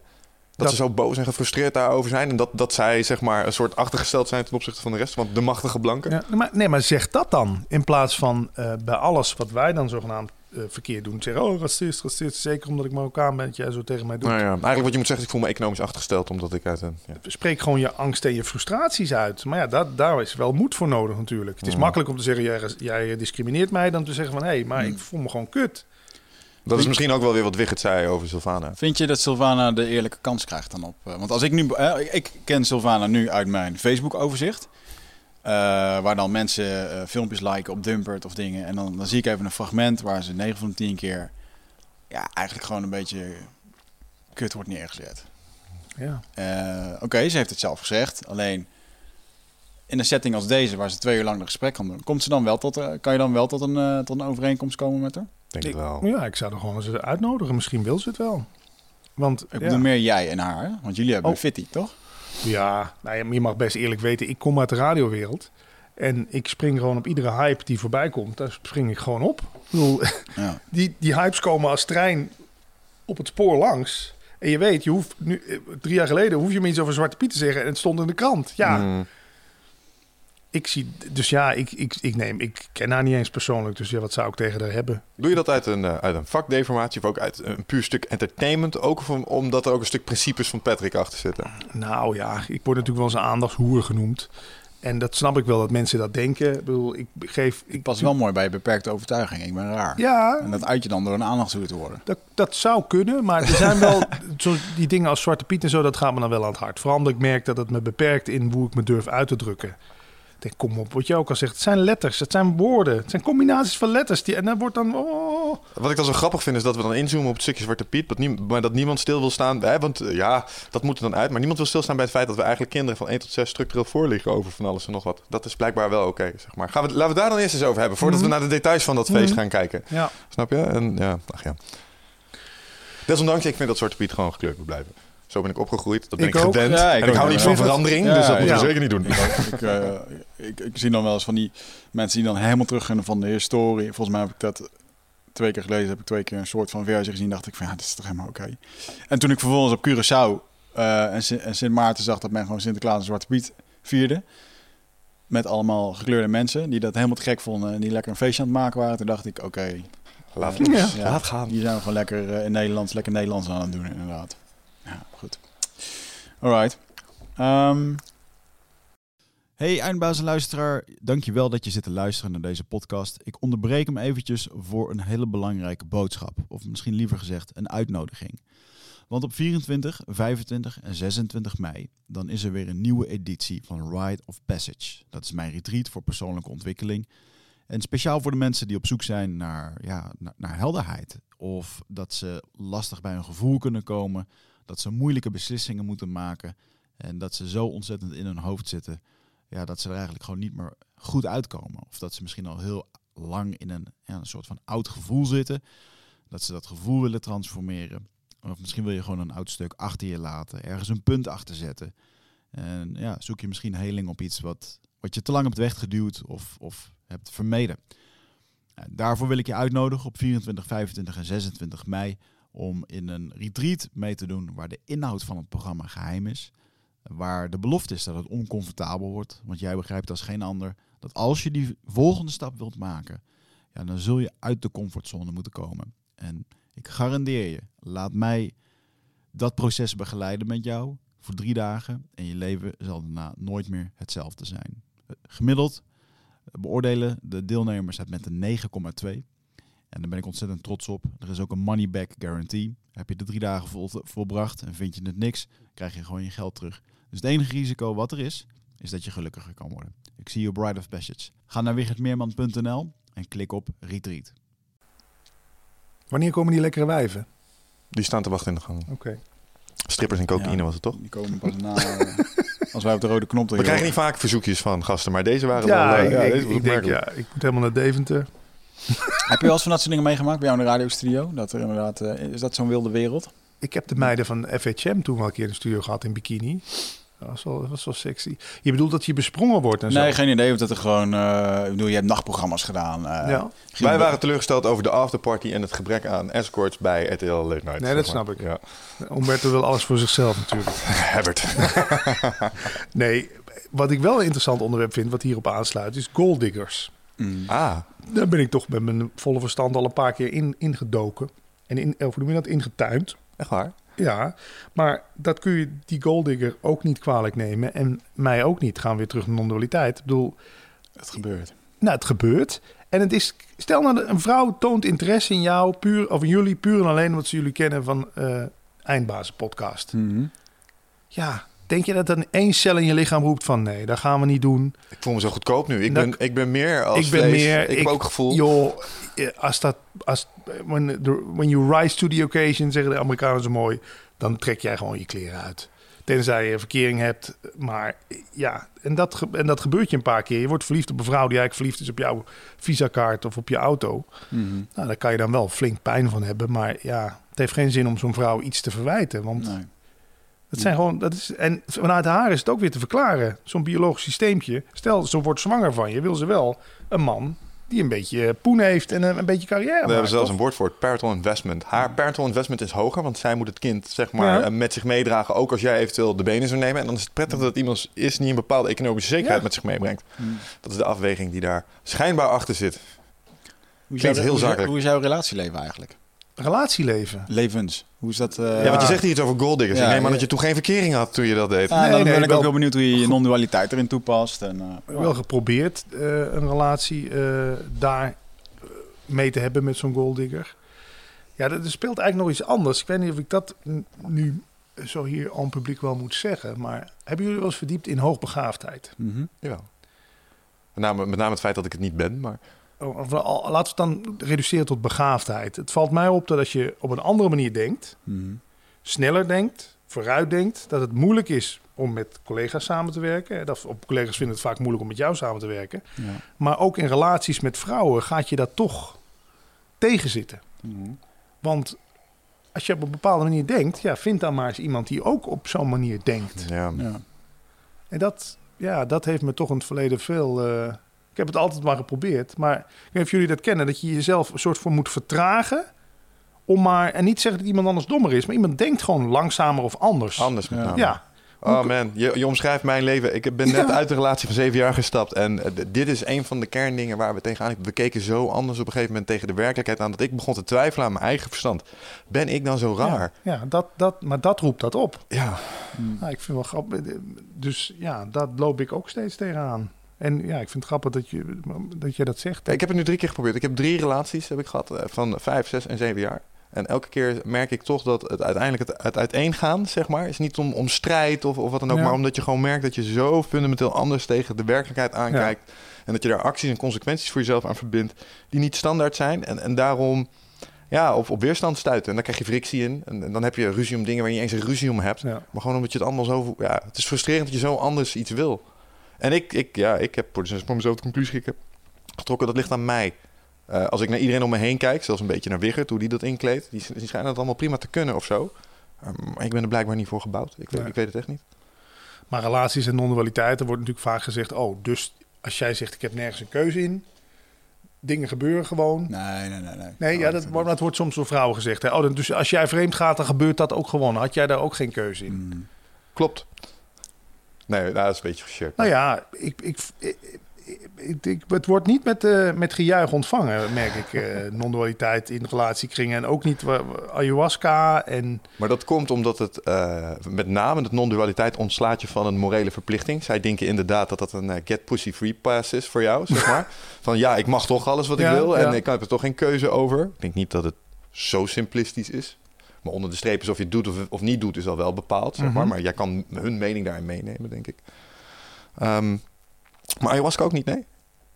nee, ja, dat, dat- of je zou het al samen moeten doen. Ik weet niet, Wigert, heb jij dat? Ja? Ja, mijn vriendinnetje heeft het ook eh, gedaan. Nee, dan kun je het in ieder geval even mooi delen. Maar we komen op een dood punt, voel ik, jongens. We moeten even... Moet even niet? Kun je even een muziekje instarten? Mag? Heb je dat?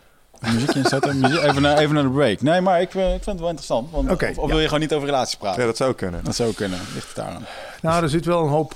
Zit een hoop eh, la- laat ik het zo zeggen, er zit wel een hoop lading op, ja. Ik Oké. denk, misschien moet ik daar nog een keer voor terugkomen. Zullen we dat afspreken? Ja, dat mag. Want ik, eh, Of zit je een beetje in turbulent vaarwater momenteel? Want we hadden het over hoogte... eh, we kwamen hier door hoogbegaafdheid, Mhm. zeg maar. Dat dat een beetje het thema was waar je, waar je mee worstelde. En dat dan weer Ja. in, in combinatie met relaties. Ik vind het moeilijk, laat Ja. ik het zo zeggen. Ik vind het moeilijk om, eh, eh, vooral ook omdat je weet dat dingen van de een op de andere dag over kunnen zijn. Mhm. Ik vind het woord relatie vind ik al eh, veel te zakelijk voor zoiets moois als dat je je herkent in elkaar. Mhm. Als je de liefde in jezelf hebt gevonden, zoals waar toch bij non-dualiteit steeds naar verwezen wordt, nou dan is die afhankelijkheid er ook al niet meer. Dan heb ik jou eigenlijk niet nodig Nee. om dat liefdesgevoel op te wekken. Hm. Ja, ik heb daar zelf ook nog niet echt eh, een duidelijk, duidelijke vorm of een. een, een, eh, een- ik heb dan naar mijn vriend Paul Smit gekeken. Die heeft dan met een verlichte vrouw samengewoond, hè, Mhm. Lisa Kerns. Maar ja, dat is ook overgegaan. Dus Hm. Maar is dat misschien ook niet dat het beeld dat wij hebben bij de klassieke relatie? Zeg maar, dat is mijn, mijn conclusie geweest hè, na, na deze zeven jaar ook weer. Het conventionele plaatje van een relatie zoals wij dat kennen vanuit de generatie voor ons. 50, 60 jaar bij elkaar blijven, weet je wel. Gelukkig zijn, Ja. tenminste voor de buitenwereld. Misschien kan dat wel helemaal niet. En is dat vanuit vroeger, is dat wat er verwacht werd. En proberen wij ons nog heel erg daarin te duwen. ja, Het voorbeeld wat ik de laatste tijd wel veel gebruikt heb, is dat ik voelde me een beetje als zo'n driehoekje. Dat door zo'n vierkantje werd heen gepropt in zo'n kinderspeeltje, weet je wel. Het past niet bij mij. ja. En misschien is dat accepteren gewoon waar het op neerkomt. ja. En het dan anders inrichten. Hoe dat eruit moet zien, dat weet ik nog niet. Nou, nou, mooi gezegd. De vraag van het leven volgens mij ook. Ja, weet ik niet. Ik bedoel, zoals ik kijk, en hoe, hoe doe jij het nu? Ik bedoel, je hebt toch ook een soort van relatie gevonden, maar zonder dat je jezelf daar binnen allerlei labels en dat soort dingen schaart. Ja, we hebben een zogenaamde spirituele relatie. Ja. Oh. Hoe, werkt dat in de praktijk? Vertel. Ja. Nou, dat betekent dat je gewoon geen eigendom bent van elkaar. Ja, dat is wel mooi. Eh, hierbij gaan een hele hoop mensen zeggen: Oh, dan kun je dus doen en laten wat je wil. Hmm. En dat is dus niet zo. Eh, Het is geen je bent, open je bent geen, het is nou ja, nee, nee, het is geen open relatie in de zin van. eh, want heel veel mensen gebruiken een open relatie dus ook om naar eh, clubs te gaan en daar Ja. Al die dingen te doen, wat helemaal prima is. Alleen je mag wel heel diep eh, in jezelf kijken waarom je dat soort dingen wil doen of waar dat vandaan komt. Dus ehm, je hebt altijd een keuze. Dat zijn de woorden van mijn lieve vriendin, die eh, dat mooi kan verwoorden. Je hebt altijd een keuze wat je doet. Dat is niet non-dualistisch. Nee, maar wel in het moment, hè? Dus, Nee, eh, het is allemaal gedetermineerd. Ja, in non-dualisme niet. Maar eh, je mag jezelf wel afvragen dat... ehm, als je een keertje in een situatie komt, eh, dat je in één keer iemand anders voelt, dat je denkt van wow, dit is bijzonder, Mhm. eh, dan is het aan jou aan de keuze wat je daarmee doet. Dat is de, eh, de vrijheid. Alleen je moet wel erg goed bekijken ehm, of dat, dat liefdevol is voor jezelf en voor je partner. Mhm. Is dit iets uit lust of uit, uit ego? Waar komt dit vandaan? En op het moment dat je jezelf, als je heel erg bewust bent van jezelf, van je eigen gedrag, waarom voel ik me zo, waarom ben ik getriggerd door deze, waarom spiegelt deze iets in mij? Ja, en uiteindelijk zou zij iets vinden met iemand waarmee ze gelukkiger wordt daarin. Ja, dan is dat eh, het ultieme van liefde om elkaar daarin te laten gaan. Dat ze zeggen- mag zeggen van joh, eh, dan moet je het met iemand anders doen. Dat betekent niet dat eh, ik er blij van word als zij iedere week eh, Niet. de spirituele relatie uithangt in, eh, in Palladium Amsterdam, zeg Ja, maar. ja. Snap je? Ja, ja, ja, Dus er is zeker een... eh, we hebben de intentie om gewoon een leven lang samen eh, met elkaar te zijn. Mhm. Ja.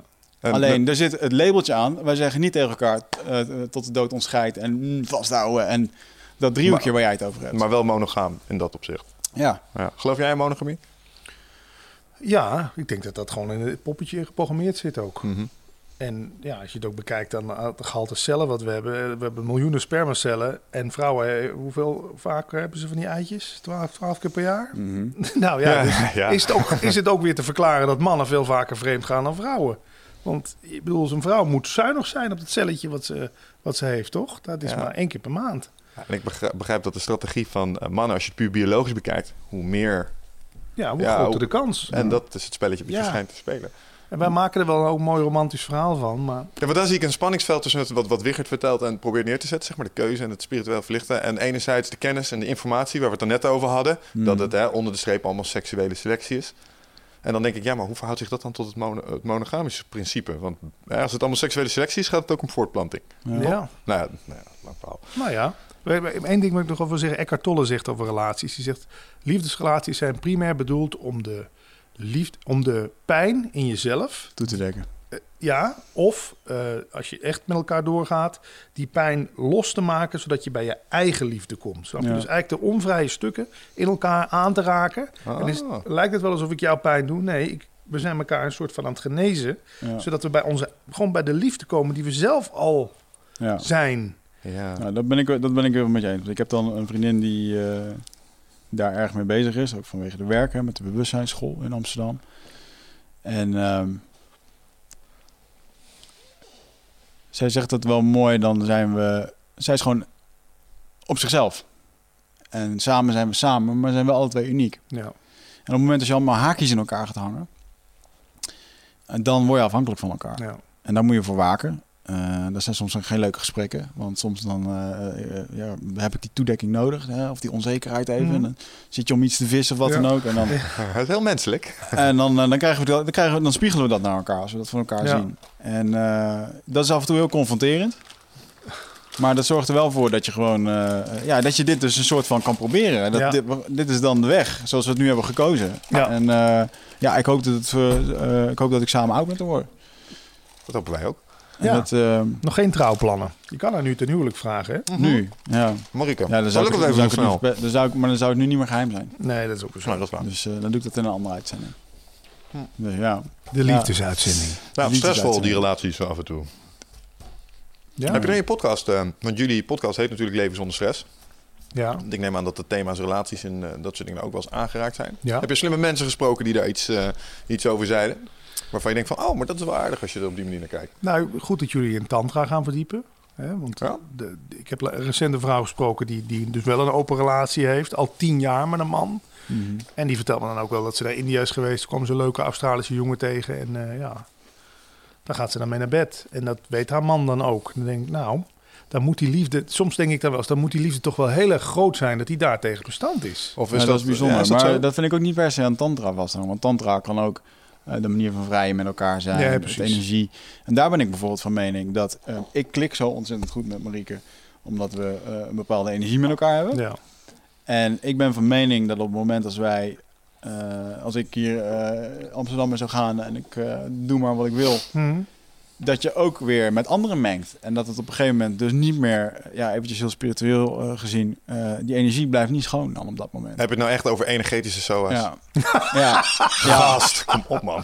Ja, ik denk het wel. Ik denk het wel dat op een gegeven moment. eh stel nou een voorbeeld, hè? Relatie, man en vrouw. Ja, De man die gaat vreemd en die neemt dat mee naar huis. ja. Een vrouw hoeft dat maar een klein beetje te voelen door zijn gedrag wat dan ook. Dan is dat het al wat ik nu net beschrijf. Ja, oké. Wordt het zo. al verstoord? Wordt het al verstoord? Ja. Dat is een energetisch ding. Want die vrouw voelt wat. Die, die man die, die probeert wat te verbergen. Dus daarin zit al de eerste knik. Dus ik ben wel van mening dat het invloed heeft, ja, op microniveau.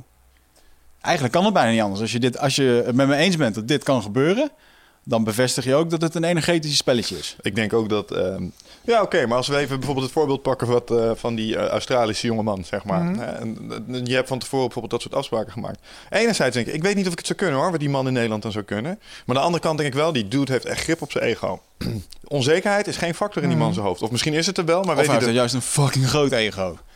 Oh ja, nou, dat is ook een optie. Dat is, dat is een andere kant die je kan pakken. Kijk, een boel mensen worden wel eens onzeker van... ehm, bijvoorbeeld, dan kom je met een meid, en, eh, leer een meid kennen... en dan heeft ze al wat mannen gehad voor je.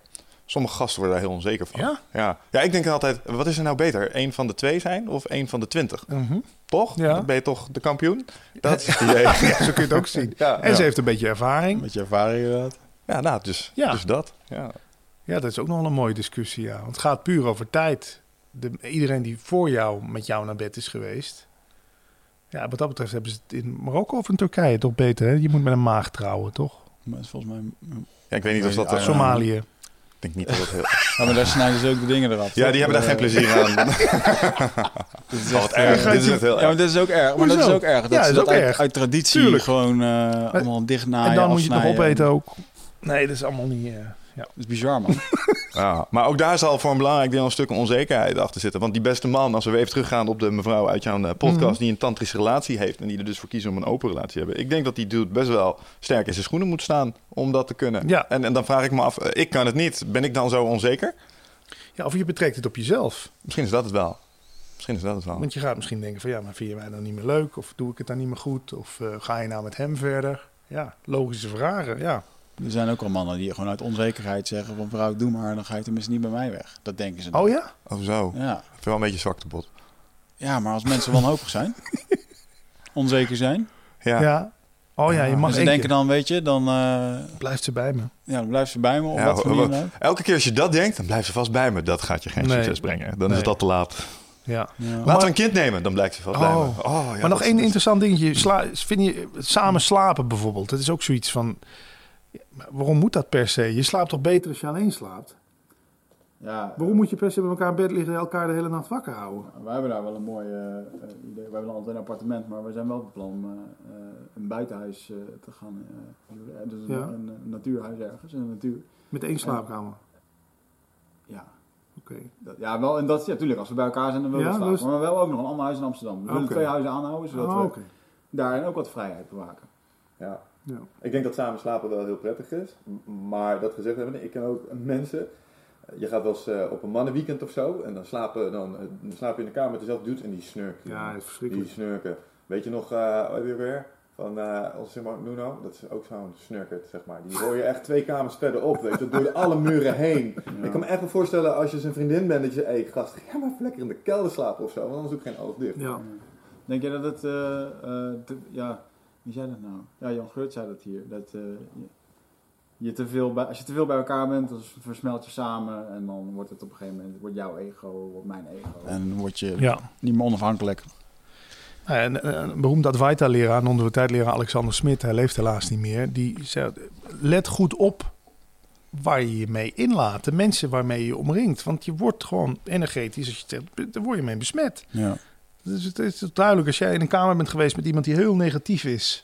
Ja, dan kan je daarna, tenminste ik moet daarna altijd even een uurtje gaan liggen. Dan ben ik gewoon helemaal leeggezogen. Dus Even douchen. ja, even die, even die troep van je af. Ja. Nee, maar ik vind het zo leuk in, de- in de Romeinen bijvoorbeeld. Die sliepen helemaal niet samen. Dat, was, dat is ooit begonnen. Uit ruimtegebrek zijn mensen bij elkaar gelegen.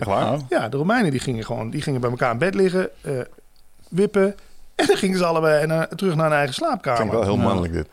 Ja, nou ja, maar voor die vrouw... Blijkbaar slaap je toch beter als je alleen slaapt. Ja, Ik, ik vind dat samenslapen... Dat mogen we toch ook eens ter discussie stellen? Ik zeg niet dat het niet hoeft, maar altijd maar dat het dan hoort. Al die dingen die horen, daar ben ik Ja, nooit zo'n voorstander van. ja het is toch allemaal perceptie en eigen beeld en eh, Opvoeding. wat men ervan vindt, ja. Hm. hey, maar eh, even van eh, tussen de lakens naar, naar de politiek. Jij gaat een nieuw avontuur in. Ja, dat is een mooi bruggetje. nee, vind ik wel leuk om te vertellen. Ik, dus hier, en dat vind ik dan weer zo vanuit de onrealiteit zo mooi. Kijk, die tweet over Sylvana, hè? Ja. Dat was drie uur s'nachts. Ik had hem getypt. Ik, kan hem, ik weet het nog aan mijn hoofd. Ik weet, eh, eh, ik schrik er zelf ook van dat ik het denk. Maar wat nou als Sylvana Simons en haar partij Denk dat haatfilmpje zelf gelanceerd hebben? Dan wordt de racismekaart wel heel erg uitgespeeld. Dat heb ik getwitterd. Iets korter, want anders past het niet. Nee, nee, ik denk weghalen, dat kan niet. Dan krijg je gezeik mee. Delete, te laat. Delete. Nee, oké. vijf minuten later zie ik het mezelf weer typen. Ik denk, ja, godverdomme, hoe kan, hoe kan dat nou?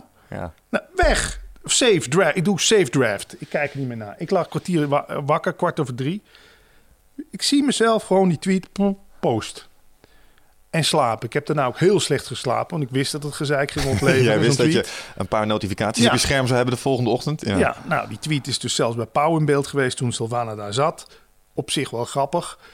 Ze reageerden er niet echt op. Maar die tweet heeft er dus wel toe geleid dat ik later benaderd werd. Of daarna heb ik nog een blog geschreven erover. En door die blog werd ik benaderd door eh Hero Brinkman van de Ondernemerspartij. Hm.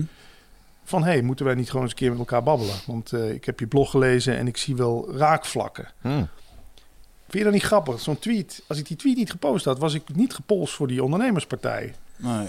Is dat niet raar dat dat ding dan toch op de een of andere manier wilde dat gewoon... En dat zegt Ramana Maharshi, zo'n hele beroemde advisor uit India ook. Dingen die gaan gebeuren, die gaan gebeuren. Dingen die niet gaan gebeuren, kun je op je kop gaan staan, gaan niet gebeuren. En dit is voor mij weer zo'n voorbeeld van iets wat blijkbaar moest gebeuren. Want het, dit kleine leidde tot dat ik gevraagd werd voor die politieke partij. Ja. Hm. Ja. Wat ik dan grappig vind aan hoe je het omschrijft, is dat je in eerste instantie dat je er zelfs dat je op een soort spoor lijkt te zitten. En je ziet, je ziet jezelf op die af. Nee, ik wil niet. Dus je probeert van af te springen. Maar je wordt er gewoon weer opgetrokken. Ik Ik, dacht het niet. Echt? Aan de haren erbij. Ja, maar dat is toch... Maar hebben Het jullie is niet bijna voor... spooky. Ja, hebben jullie niet voorbeeld uit je leven dat je bij sommige dingen denkt... ja, maar ik, hoe ik het ook pro- heb proberen te voorkomen. Het gebe- ja, nou ja, het, Het gebeurt gebeurde. gewoon. Nou, een beetje wat je daar straks al vertelde over het feit dat we hier nu met jou zitten. Daar hebben een paar dingen voor moeten gebeuren waarvan je achteraf denkt, ja, maar dat had ook eigenlijk helemaal niet anders kunnen gaan. Ja. Maar Wat, wat grappig, weet je wel. Nou, En de en- timing ook. Want vandaag is dus bekend geworden dat ik, dat ik lijstduwer ben van de ondernemerspartij van Hero Brinkman. En dat, ik dus, dat er een kans in zit, als ik genoeg voorkeurstemmen krijg, dat ik de Tweede Kamer in ga. Maar ik zie jou dit met een, met een smile doen. Dit Ja. is toch gewoon een grote grap voor jou. Ja, maar het leven is een grote grap voor mij. Ja. Zo heet ook ons boek Praat over bewustzijn. Het leven is een grote grap. Want jij en ik bestaan niet. En niet in de zin van dat wij niet bestaan, maar Mm. het, het, het jij en ik. Als je het gewoon ziet als één energetische dans van allemaal, allemaal, allemaal dingetjes die met elkaar bezig zijn. heb je het partijprogramma doorgelezen en denk je... Weet je waar je voor staat, is de wij vraag. gaan, wij, gaan, wij gaan. Nederland veranderen. Tuurlijk. En Waar staat de ondernemerspartij trouwens voor? Want dat klinkt wel goed, moet ik Ja, zeggen. nou, die wil het opnemen voor de ZZP'er en, en, het MKB. Ik ben ZZP'er en MKB, dus Ja. eh, mijn stem heb je bij deze. Nou, cool. Ja, maar ik ken, Hero, ik ken, ik ken Nee. Hero Brinkman nog. Dat is die man die is uit wilde zijn partij... Nou, die wilde meer democratie in de, in de PVV. Ja. En die is daarna eh, zijn eigen partij begonnen. Ja, ik, ja luister, ik, ik, ik beoordeel mensen altijd op niet wat ik van ze hoor, maar gewoon hoe ik hem zie. En ik zie het als een hele bevlogen man. En zeker het idee om bijvoorbeeld een ZZP'er zoals jij, Mm. eh, als jij nu ziek wordt, Hmm. Ja, dat is verdien een jij niks. Nee, en eh, de verzekering die je ervoor kunt afsluiten, Ja. daar heb ik wel eens naar gekeken. Ja. Maar dat ding zorgt ervoor dat ik niet meer kan autorijden, bij wijze van Dat is spreken. niet meer te betalen. Juist. Nou, waar, waar staat de ondernemerspartij voor? Die willen een regeling. Er moet een potje komen voor mensen die een eigen zaak hebben, ZZP'ers. Zodat ze toch iets van inkomen hebben als ze omvallen. Ja. Ja. Nou, ik heb zelf burn-out gehad. Ik weet hoe het is als je omvalt. Nou ja, dan was ik een vaste dienst. Maar je zal maar, eh, net als mijn broer ook, ook twee jaar geleden omgevallen. Ja, voor mij veel te snel weer aan het werk gegaan. Want anders had hij niks. Nee. Ja. Nou, nou is dat wel iets wat eh, hier in de studio ook wel relevant is geweest. Ik bedoel, eh, Wigert heeft er een aan de lijf ondervonden vonden midden in zijn zelfstandig ondernemerschap. Hmm. Ja, hoe heb jij dat opgelost toen dan? Reserves opmaken. eh, nou, ik heb toen tien maanden lang op kantoor geslapen. Omdat mijn bedrijf niet lekker liep. Tien maanden lang lopen beuken. Toen liep het bedrijf lekker. En toen kreeg ik een burn-out. En ik kon gelukkig een, eh, het een beetje aan laten sturen. Toen hebben we niet meer gefocust op nieuwe klanten. Alleen op de oude. En zo lekker een jaar door kunnen eh, dobberen. En ehm, ja, dat toen. En op een gegeven moment toen, toen ik weer plannen begon te maken van ik ga weer beginnen. Toen merkte ik dat ik weer ziek werd. Toen heb ik besloten om het te verkopen. En jij? Hoe heb jij het voor jezelf eh, weer op de rit gekregen? Want jij hebt, ik heb er twee gehad zelfs. Ja, Die ik altijd voorbeschouwd zijn. Die gast heeft twee keer dit voor de kies Ja. gekregen. Maar weet je, ik kom er ook steeds meer achter. eh, dat, is, dat heb ik dan weer van Paul gehoord. Dat eh, een van die twee was geen burn-out, maar een bore-out. Heb je daar wel eens van gehoord? Ja, dat je niet dan? meer voldoende mentaal uitgedaagd werd. Nou ja, dan komen we weer terug op dat, op dat, dat je, kijk, die kop van je, die wil toch gewoon wat te doen hebben. En dan heb je je non-dualiteit verdiept, Indiaanse filosofie. Nou, we, we, we- hebben jullie je niet allemaal al in verdiept. Hmm. En als dat hoofd niet genoeg te doen krijgt, dan, in mijn geval gaat het dan gewoon spookverhalen verzinnen. En, en maar achter iedere boom eh, een spook zien en denken, oh die mag me niet, die mag me niet. Ik moet dat ding gewoon wat te doen geven. Ja. Dus dan ga je maar moeilijke documentaires uit Frankrijk zitten te kijken. Over kwantummechanica Ja. en oneindige jouw wiskunde. ja. begaafdheid die jou eh, daarbij heeft geholpen om... eh, Ja, ik, ik vind het zo pedant klinken als je dat over jezelf zegt. Maar Ja, dat kwam maar ben jij Mensa Ja. materiaal? Uh, Mensa is een clubje met slimme mensen. Daar moet je een partijtje voor doen. Kom je niet zomaar binnen. 140 eh, IQ-puntjes plus moet je hebben. Zou je de test halen, denk je? Dus ik wil dat best proberen. Ja, ja dus. Dit komt bij, dit komt bij een, een, een, eh, ja, een of twee coaches vandaan. En die, kijk, als je dan, ze kijken vooral naar je jeugd. Kijk, ik was in de lagere school altijd de beste van de klas. Oh, Patrick zal wel weer een tien hebben, maar daar hoefde ik geen reet voor te doen. Mm. mhm. Weet je wel? En dus was die school was ook voor mij, ja, pff, weet je wel. Maar dat is niet altijd even leuk. Want ik ging ook denken dat, dat je dus pas goed genoeg bent als je een 10 haalt. Ja. Als je een 9 haalt, is het, is, het, is het dus niet goed genoeg. En dan houden ze niet van je. Ja. Dus ik ben ook altijd zo gefocust geweest op bezoekersaantallen, luistercijfers. Als het ook maar iets zakt, ja, zo verleidelijk. Ja, ja. Heel gevaarlijk ook om Ja, daar... dat- eh, super. Want die hele... Maar hetzelfde- eh, wat hoor, ik hoor je zeggen, als het zakte, dan eh, was dat ook niet goed voor je eigen beeld. Nou, dan ben ik daar zelfs bang van. Toen dacht ik, ja, dan houden ze niet meer van je. Want ja, ze houden alleen maar van je als je de beste bent in iets. ja, ik heb ook wel van een coach... eh, Nou, en dat gevoel geef je ons dus de hele tijd als wij niet op één staan in iTunes. Ja, maar dan is dus je, de, ik heb dat wel eens teruggekregen dat mijn eigen waarde hangt samen met mijn succes. Ja, Ja. En, eh, dan kijk je mij nou weer aan. Eh, ja, kijk gewoon eh, rond. Dat is wel gewoon zo. Ja, de- tenminste. Ik heb het nu door, laat ik het zo zeggen. Dus nu kan je er beter op inspelen. Maar dan, dan vraag ik me ook af van ja, je hebt dan andere mensen geïnterviewd, het Advaita eh, tot je genomen. Eh, mediteer je en zo of niet? Nee. je, je lijkt me redelijk druk in je hoofd. Kom ik zo Ja. op? Ja, dat ben ik ook wel, ja. Nou ja, druk in je hoofd. Ik heb ook ooit diagnose ADHD gehad. Een paar keer die pillen Labeltje, geslikt. hup. Ja. Maar dan vind ik de hoogbegaafdheid toch beter klinken dan ADHD. Ja? Je bent gewoon een drukke slimmerik. ik, weet, ik, ik weet, ik ben een beetje opgehouden met iets van mezelf te vinden. Ja, maar daar begint, dat is het wel. Ja. Want nou, dan ben ik, weet je, als jij mij ADHD of iemand, dan dan ben ik dat toch voor jou, prima. Ik bedoel, dat heb ik wel eens een keer in een interview gezien met, hoe heet, moet je me even helpen, hoe heet die, de ex-vrouw, of de, dus de weduwe van Isha Meijer, hoe heet ze? Die, eh, die schrijfster. Ik weet niet wie Isha Meijer is. Ik ook niet. Oh jongens, kom op. Ja, echt, Perfecte sorry. interviewer. Nou, de, de weduwe van Isha Meijer zei, ik ben voor alle drie mijn zussen Hmm. een andere zus. Toen dacht ik, dat is het. Jij bent voor ieder mens, ben jij iemand anders. Mm, ja. Je, eh, dus wat heeft het voor een zin om je druk te maken over hoe je overkomt of wie je, waar je voor staat of wie je bent? Ik bedoel, als toch iedereen een andere versie van jou ziet. Maar we hadden het er net over, zeg maar. Even dat, dat sommige, eh, soms zit je hier en dit gesprek loopt makkelijk. En dat komt omdat jij een bepaalde energie met je meebrengt, bepaalde thema's. En dat is heel fijn. En dat gaat dan Mhm. bijna vanzelf. Maar je zit hier ook wel eens met mensen. En dan merk je gewoon dat je zelf verandert of ongemakkelijk Ja. wordt omwille van wat er aan input aan de overkant Ja. En dat is echt heel geinig. Dus ja, je, je, je verschilt echt per interactie. En zeker als je dan nog eens mensen mee gaat gooien. Want nu is het een soort van driehoek. En dat maakt het nog Ja. eens een keer complexer. Zet die blonde vrouw op de hoek. Ja. Nou, dan is het einde zoek. Er is niet één versie van jezelf. Daar ben ik wel achter gekomen. Ja, dat is een mooie. Je bent Mm. een soort chameleon die zich kleurt naar omstandigheden, omgeving, Ja. mensen die bij je zijn. De tijd van de dag, de, hoe de maan staat. Hoeveel mensen staan niet onder invloed van de maan? Daar komt ook het woord lunatic vandaan. Hè? Luna, de maan. maan, tik. Eh, maanziek. Was vroeger allemaal heel normaal. Weet je, dan was het volle maan. Dan wisten ze al, nou ja, dan moet ik met hem niet praten. En, Ja, voor mij is dat gewoon een hele makkelijke... de maan die zorgt ook voor eb en vloed. En als jij voor eh 70% water bestaat... Ja, ja dat, is, dat is wel wat ze zeggen. Maar ik, ik geloof dat als je dit googelt en je komt op de, de kritisch denken websites zoals Skeptic en dat soort Mhm. dingen uit, die zeggen dat het onzin is. Echter, mijn vader is politieagent geweest en eh, die zegt altijd, het is altijd drukker met volle maan. Het is altijd drukker. Ja. En Ja, eh, die ja, eh, die mensen die Ja. zullen het wel weten, snap Ja, je? Die precies staan dat. met de voet in de klei. Nou, Dus- een vrouw die ongesteld is. We weten toch allemaal. Ik bedoel, ja. Ja, nou, een weerwolf komt ook ergens vandaan. ja, het is ook allemaal weer legendes, Nee, maar het is wel Ja, wat het ja, ja.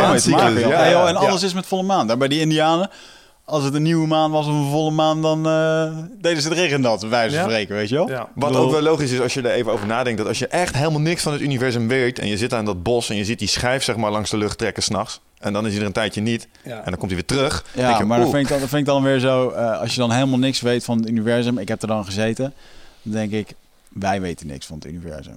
Zij hebben het prima op een orde hoe dat zij voor Ja. zichzelf de wereld zien. Desondanks denk ik wel dat het helpt dat we weten wat planeten zijn. En hoe het om de zon heen draait en dat soort dingen. En dat helpt je wel verklaren met wat er gebeurt in je... Ik bedoel, hoe vaak zijn kometen en, en eh, zeg maar, die langs de hemel trokken... wel niet geïnterpreteerd als tekenen van God. Terwijl wij inmiddels weten dat het gewoon een stuk ijs is dat langs de zon heen scheert. En dat het daarom zo'n lange Ja, staart krijgt. Dat denk jij.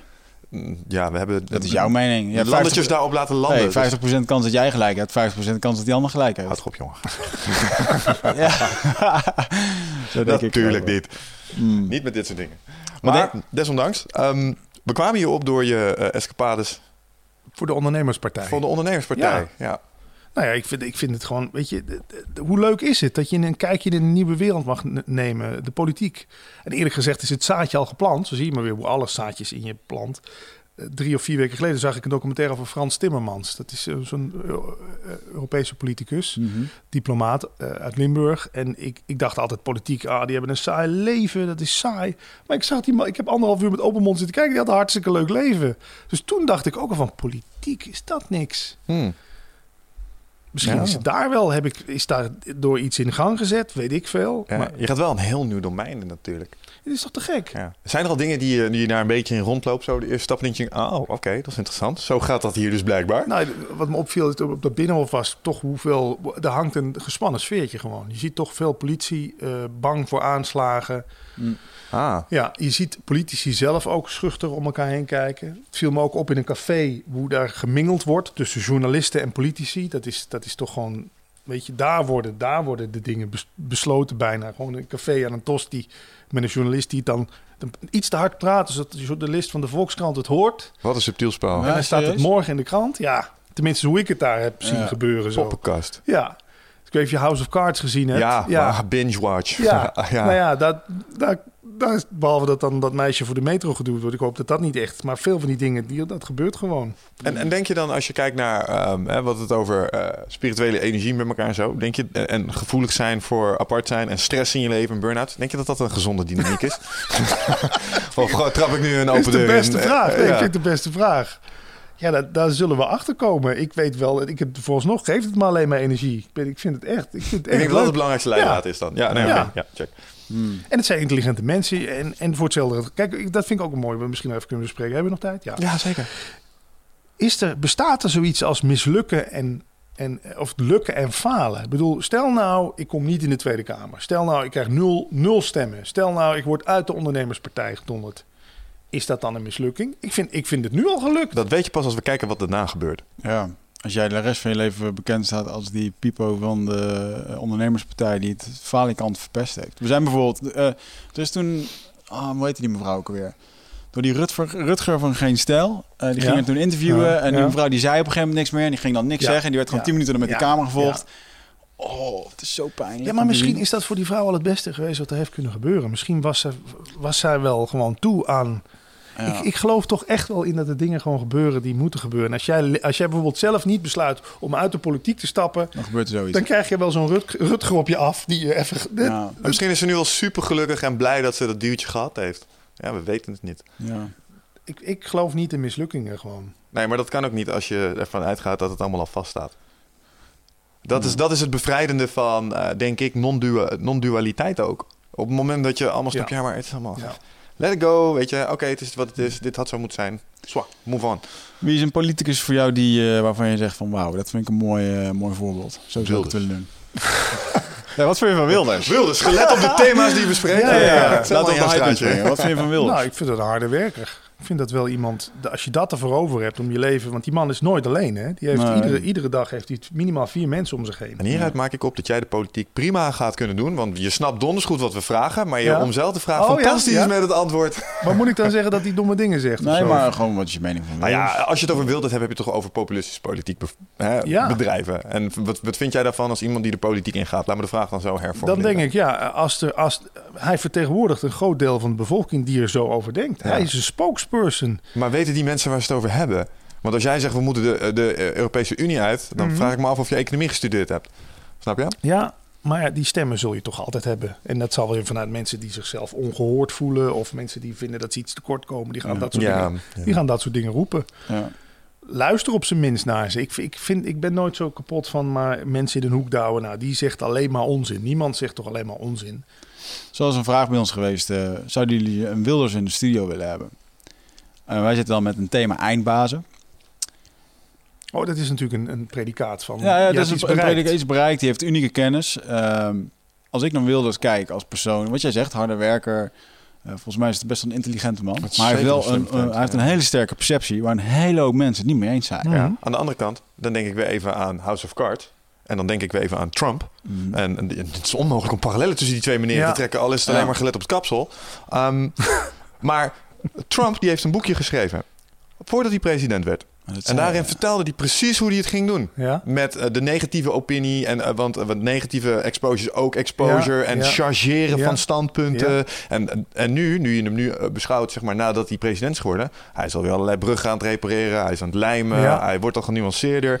Dus die dude, die heeft gewoon... Oké, ik moet in de spotlight komen. Dat doe ik zo, totdat ik voldoende macht heb om te projecteren. Ja. En dan ga ik weer normaal doen. En als je echt zo werkt, dan zou Wilders misschien ook nog wel eens een stiekem genie kunnen zijn. Ja. En dan zou ik hem wel weer in de studio willen hebben, want dan snap je het Machiavelliaanse gedachtegoed gewoon heel goed. En dat vind ik dan wel interessant. ja. Want is- dan krijg je wel shit van elkaar. We- Veel mensen hebben het over hem bij ook weer. Dus het is een interessante man, toch? Doet het.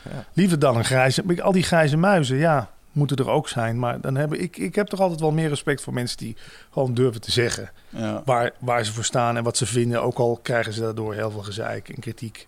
ja, maar daar zitten natuurlijk, en met name in de politiek. Kijk, ik bedoel, de laatste keer dat we zo'n saillante als, eh, als Wilders hadden, ja, dat, die heeft het eh, Ja, dat met zijn leven moeten klopt. bekopen natuurlijk. klopt. Hmm. Ja. Op Dus- de parkeerplaats waar ik ook altijd mijn autootje neerzet. Dat dan moet wel trouwens wel een raar idee zijn. Ja, dat was, ik was die dag toevallig vrij. Anders had ik het misschien nog van dichtbij eh, gezien. Hmm. Ik heb daar overigens wel nog mijn bedenkingen bij. Want er is van tevoren gesproken toen met 3FM over van... eh, moeten we niet wat extra beveiliging inhuren enzovoort. Nee, het zal allemaal meevallen. En er gebeurt zoiets, hè. Mm. Wo- Wordt Fortuyn even neergeknald. Ja. Ja, dat is ook achteraf. Ja. Moet, dat moet ook gebeuren dan, in jouw opinie. Nou ja, het had niet anders kunnen gaan. Da, Ja. da- daar begint wel de... Als je, ik kan me voorstellen dat je Martin Fortuyn bent en, en je zijn broer... en dan kan je wel gaan zeggen van... ja, het had niet anders kunnen gaan. Daar heeft zo'n Hij is man... zo vrij, hè? Hij is... Ja, ja, hij woont Ja. in Apeldoorn. Ja? Volkert, ja, Hij heeft alweer met zijn uitkering gefraudeerd of zo, toch? Oh, geen idee. Ja, ik mis dat Hij soort woont vlakbij, ja. Ja? Ja, serieus. Apeldoorn. Haal hem eens een keer hier naartoe. Ja, nee. Dat is echt no way. Dat is toch geen eindbaas? nee, Want maar je kan toch wel eh, uitbaas en min. We zouden eens een keer een uitstapje kunnen maken met... eh, Minder Ja. eh, baas. Minder beginbaas. Nee, dat we een soort van eh, net, net geen eindbaas. Ja. Dat we zo een Ja. tekentje erbij maken. Wie zou je dan? Als je, Ik weet wie, wie niet. zou de ergste, wie zou het ergste persoon zijn die je wil uitnodigen? Hitler. Ja, kan niet meer. Eh, Nou, daar zou ik best wel een gesprek mee willen hebben. Wat er in zijn hoofd omgaat. Ja. Ja, ook als je, nou, daar, dat vraag ik me wel eens af. Hè. Hoe kun je Wow. daar vanuit een non-dualistisch perspectief, hoe kun je in godsnaam dat soort dingen, kun, kun je dat bevatten? Lukt dat om dan naar een Hitler te kijken en te denken, ja, hij kon niet anders. Die man die geloofde toch gewoon zijn eigen gedachten. Ja, precies. Ja. Dus kun je het hem dat kwalijk nemen. En was een product van zijn tijd. Hè? Ik bedoel, ik blijf toch zeggen... als jij niet allerlei mensen achter je krijgt of hebt... Dan lukt het ook Nee, niet natuurlijk. niet. Nee, Ja, dat het is waar. Die samensmelding van energie, dat Ja. die man eh, oké krijgt. Iedereen is wanhopig. Eh die status, Ja. het stijgt naar zijn bol. En vervolgens gaat hij idiote dingen doen. Op zijn zachtste zegt. Wow man, Ja. dat is een dude in de geschiedenis, hè? En een statement. Ja. en toch is dat, en dat is dan wel weer grappig, dat komt uit die eh, Hardcore History podcast waar ik het over had. En dan, ehm, die begint zijn podcast met de intro. Als ik je nou eens zou vertellen dat, en het is een idee voor een boek, je moet maar kijken wat je ermee doet. Ik ga het niet schrijven, want ik durf het niet aan. Maar dat Hitler een positieve invloed is geweest op de economische ontwikkeling van het Westen. Zonder die man waren we niet gestaan waar we nu stonden. En dan zegt hij vervolgens, dat kun je niet zeggen, want dat is allemaal veel te dichtbij. Dan trekt hij de parallel met Genghis Khan.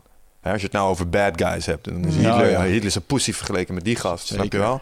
Alleen omdat er voldoende tijd tussen zit, mogen we over die man praten alsof het een soort held is en dat hij een grote invloed is geweest op het wereldtoneel en dat soort dingen. En dat is heel grappig.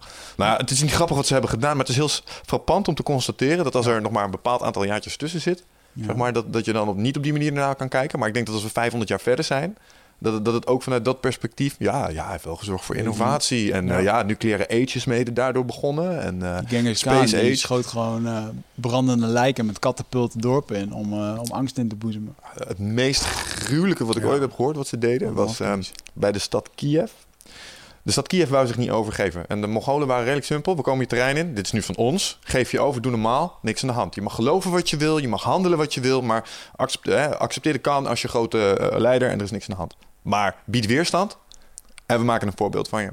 Nou, stad Kiev, destijds heel machtig, die dachten: nee, dat doen we niet. Dat is niet nodig. Toen hebben de eh, Mongolen die hebben, ze hebben de stad veroverd. En wat hebben ze gedaan? Het is echt gruwelijk. Hebben ze alle mannen van de stad hebben ze verzameld. En die hebben ze zeg maar, zeg maar, op, zeg maar, op de grond gelegd, zodat ze gingen liggen. Toen hebben ze er planken overheen gelegd. Toen hebben ze nog een laagje gedaan en nog een laagje en nog een laagje. Dus er lagen allemaal mensen elkaar te verdrukken. Dus als je onderop ligt, liggen er acht, negen man boven je. En toen zijn ze met het hele leger zijn ze erop gaan zitten lunchen. Gewoon om een punt te maken. Dit is hoe we je vermoorden als je de zeg maar, Mongolen dwars zit. En als je dat even laat binnenkomen, hoe dat eruit moet hebben Ja. gezien, zeg maar. Ja. Holy fucking shit, man.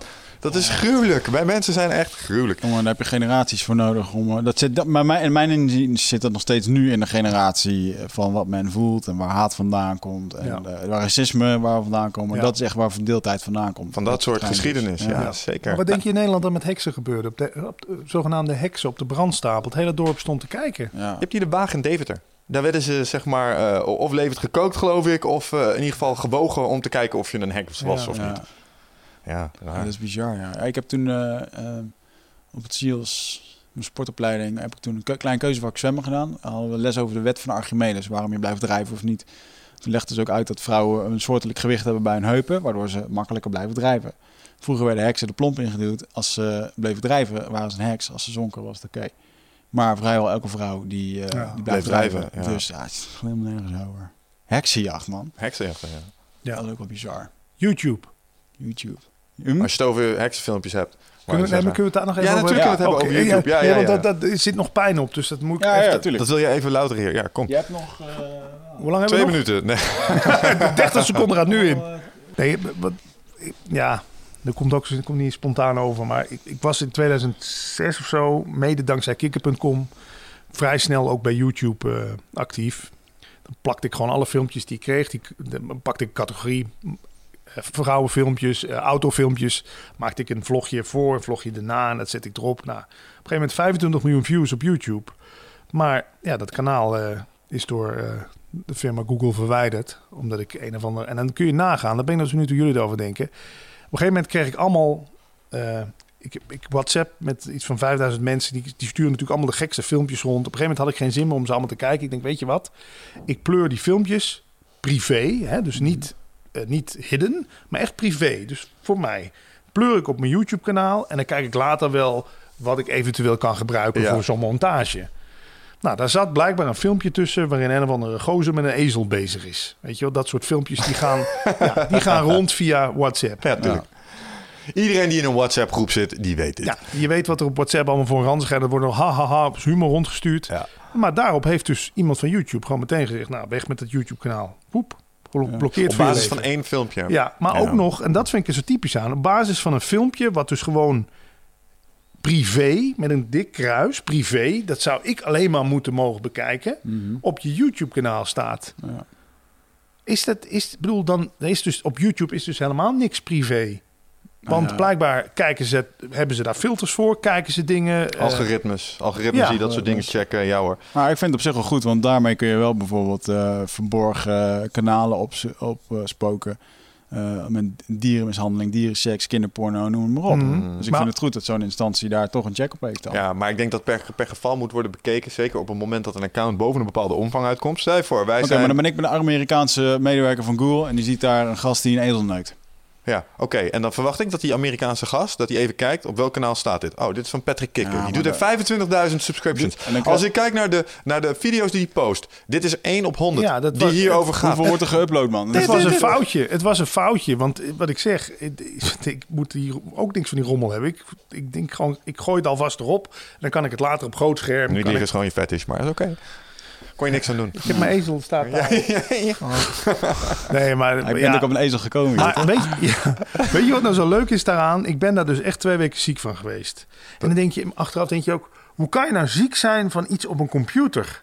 Van dat je je aantal views kwijt bent. Alle leuke filmpjes die erop stonden, zijn je, ben je de views van kwijt. Om dezelfde reden dat het je baat als je harddisk kapot gaat, waar je vakantiefoto's op Ja. staan.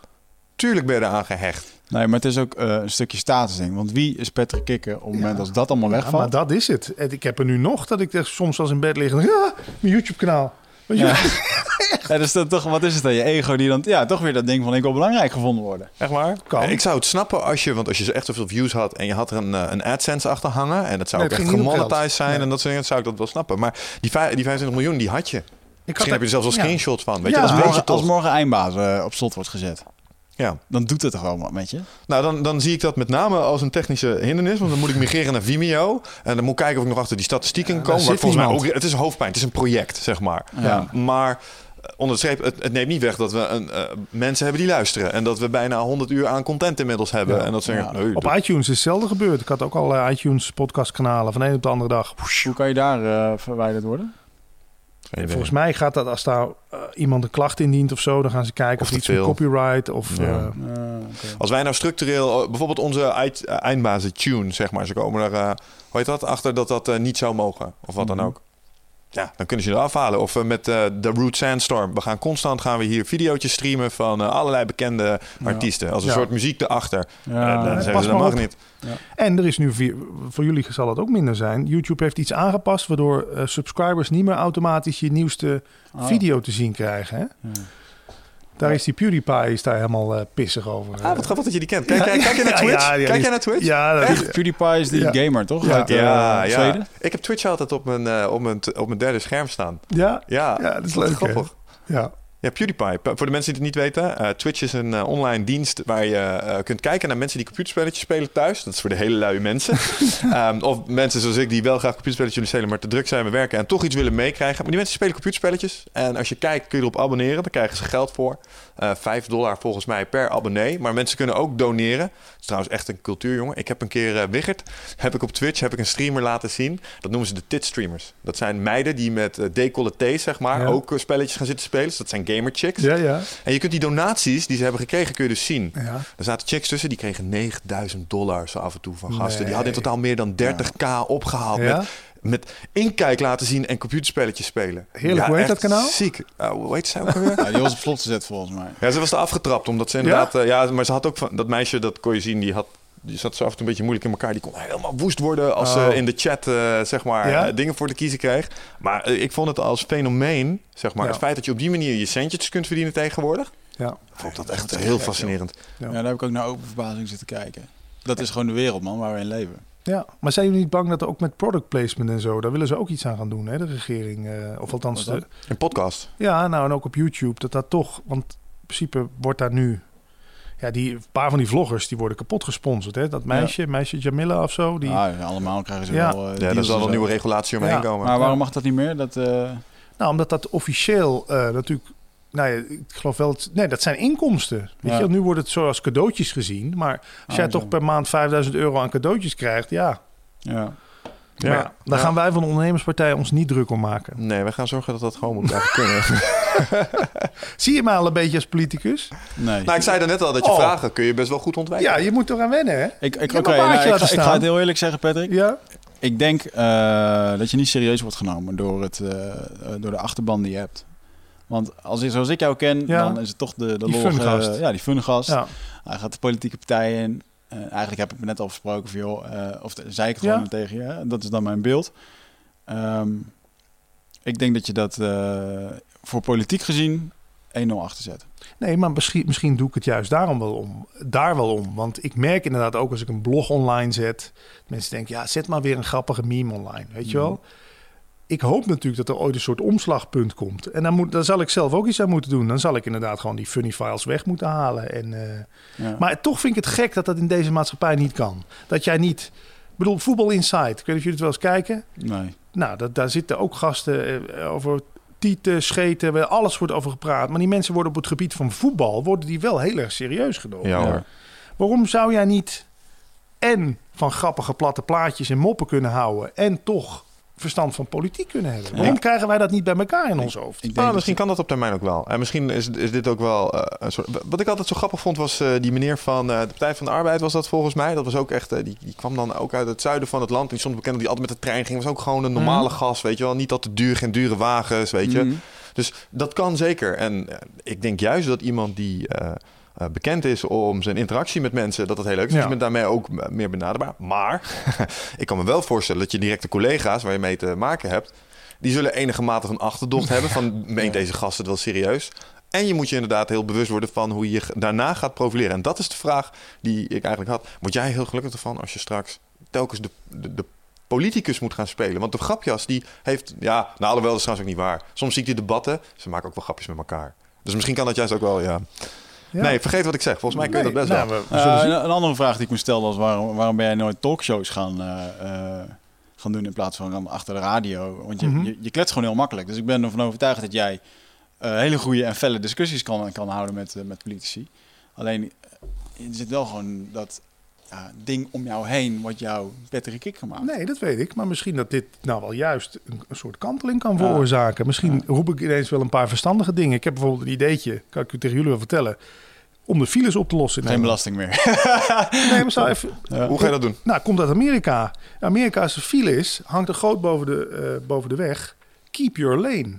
Blijf in je rijstrook. Hmm. Waarom gaan we dat niet gewoon eens in Nederland uitproberen? Misschien worden files wel veel langer omdat ik weer naar links wil en jij wil weer naar rechts. En jij Ja. ziet daar weer een gaatje, jij gaat maar rechts inhalen. Ik laat jou er niet tussen. Nee, gewoon keep your lane. Laten we dat gewoon eens uitproberen. Nou, als je dat natuurlijk gewoon als disjockey op de radio zegt, dan zegt iedereen, ha, leuk idee. Niemand luistert Nee, maar als je het zou omdraaien en zou zeggen... maar als iemand als early adapter van internettechnologie... en dus een soort pionier daarin... kan ik misschien wel iets betekenen in... want ik denk niet dat dat de oplossing wordt. Ik denk dat automatische auto's de oplossing gaat worden. Dus als je als politicus iets doet... zorg ervoor Mhm. dat dat er zo snel mogelijk doorkomt.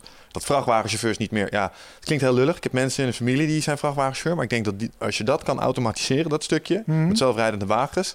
dan gaat je fileprobleem al voor een belangrijk Ja. oplossen. Ook als, als jij en ik niet meer kunnen... Nou, jij en ik zijn de oorzaak van de file. Het feit dat wij als mensen gewoon zo slecht zijn in afstanden en snelheden inschatten Mhm. en daarmee remmen en dat hele golfeffect veroorzaken. Computertjes die hebben dat probleem niet. Ja, nou, het, zal er ooit van komen dan. Nou, ja, misschien kunnen we dit ook eens Regel proberen. dat, zeg maar. Als je dan Ja, iets voor ZZP'ers doet, los dan het fileprobleem Ja, op. wat wil hij nog meer? Ik typ het even in.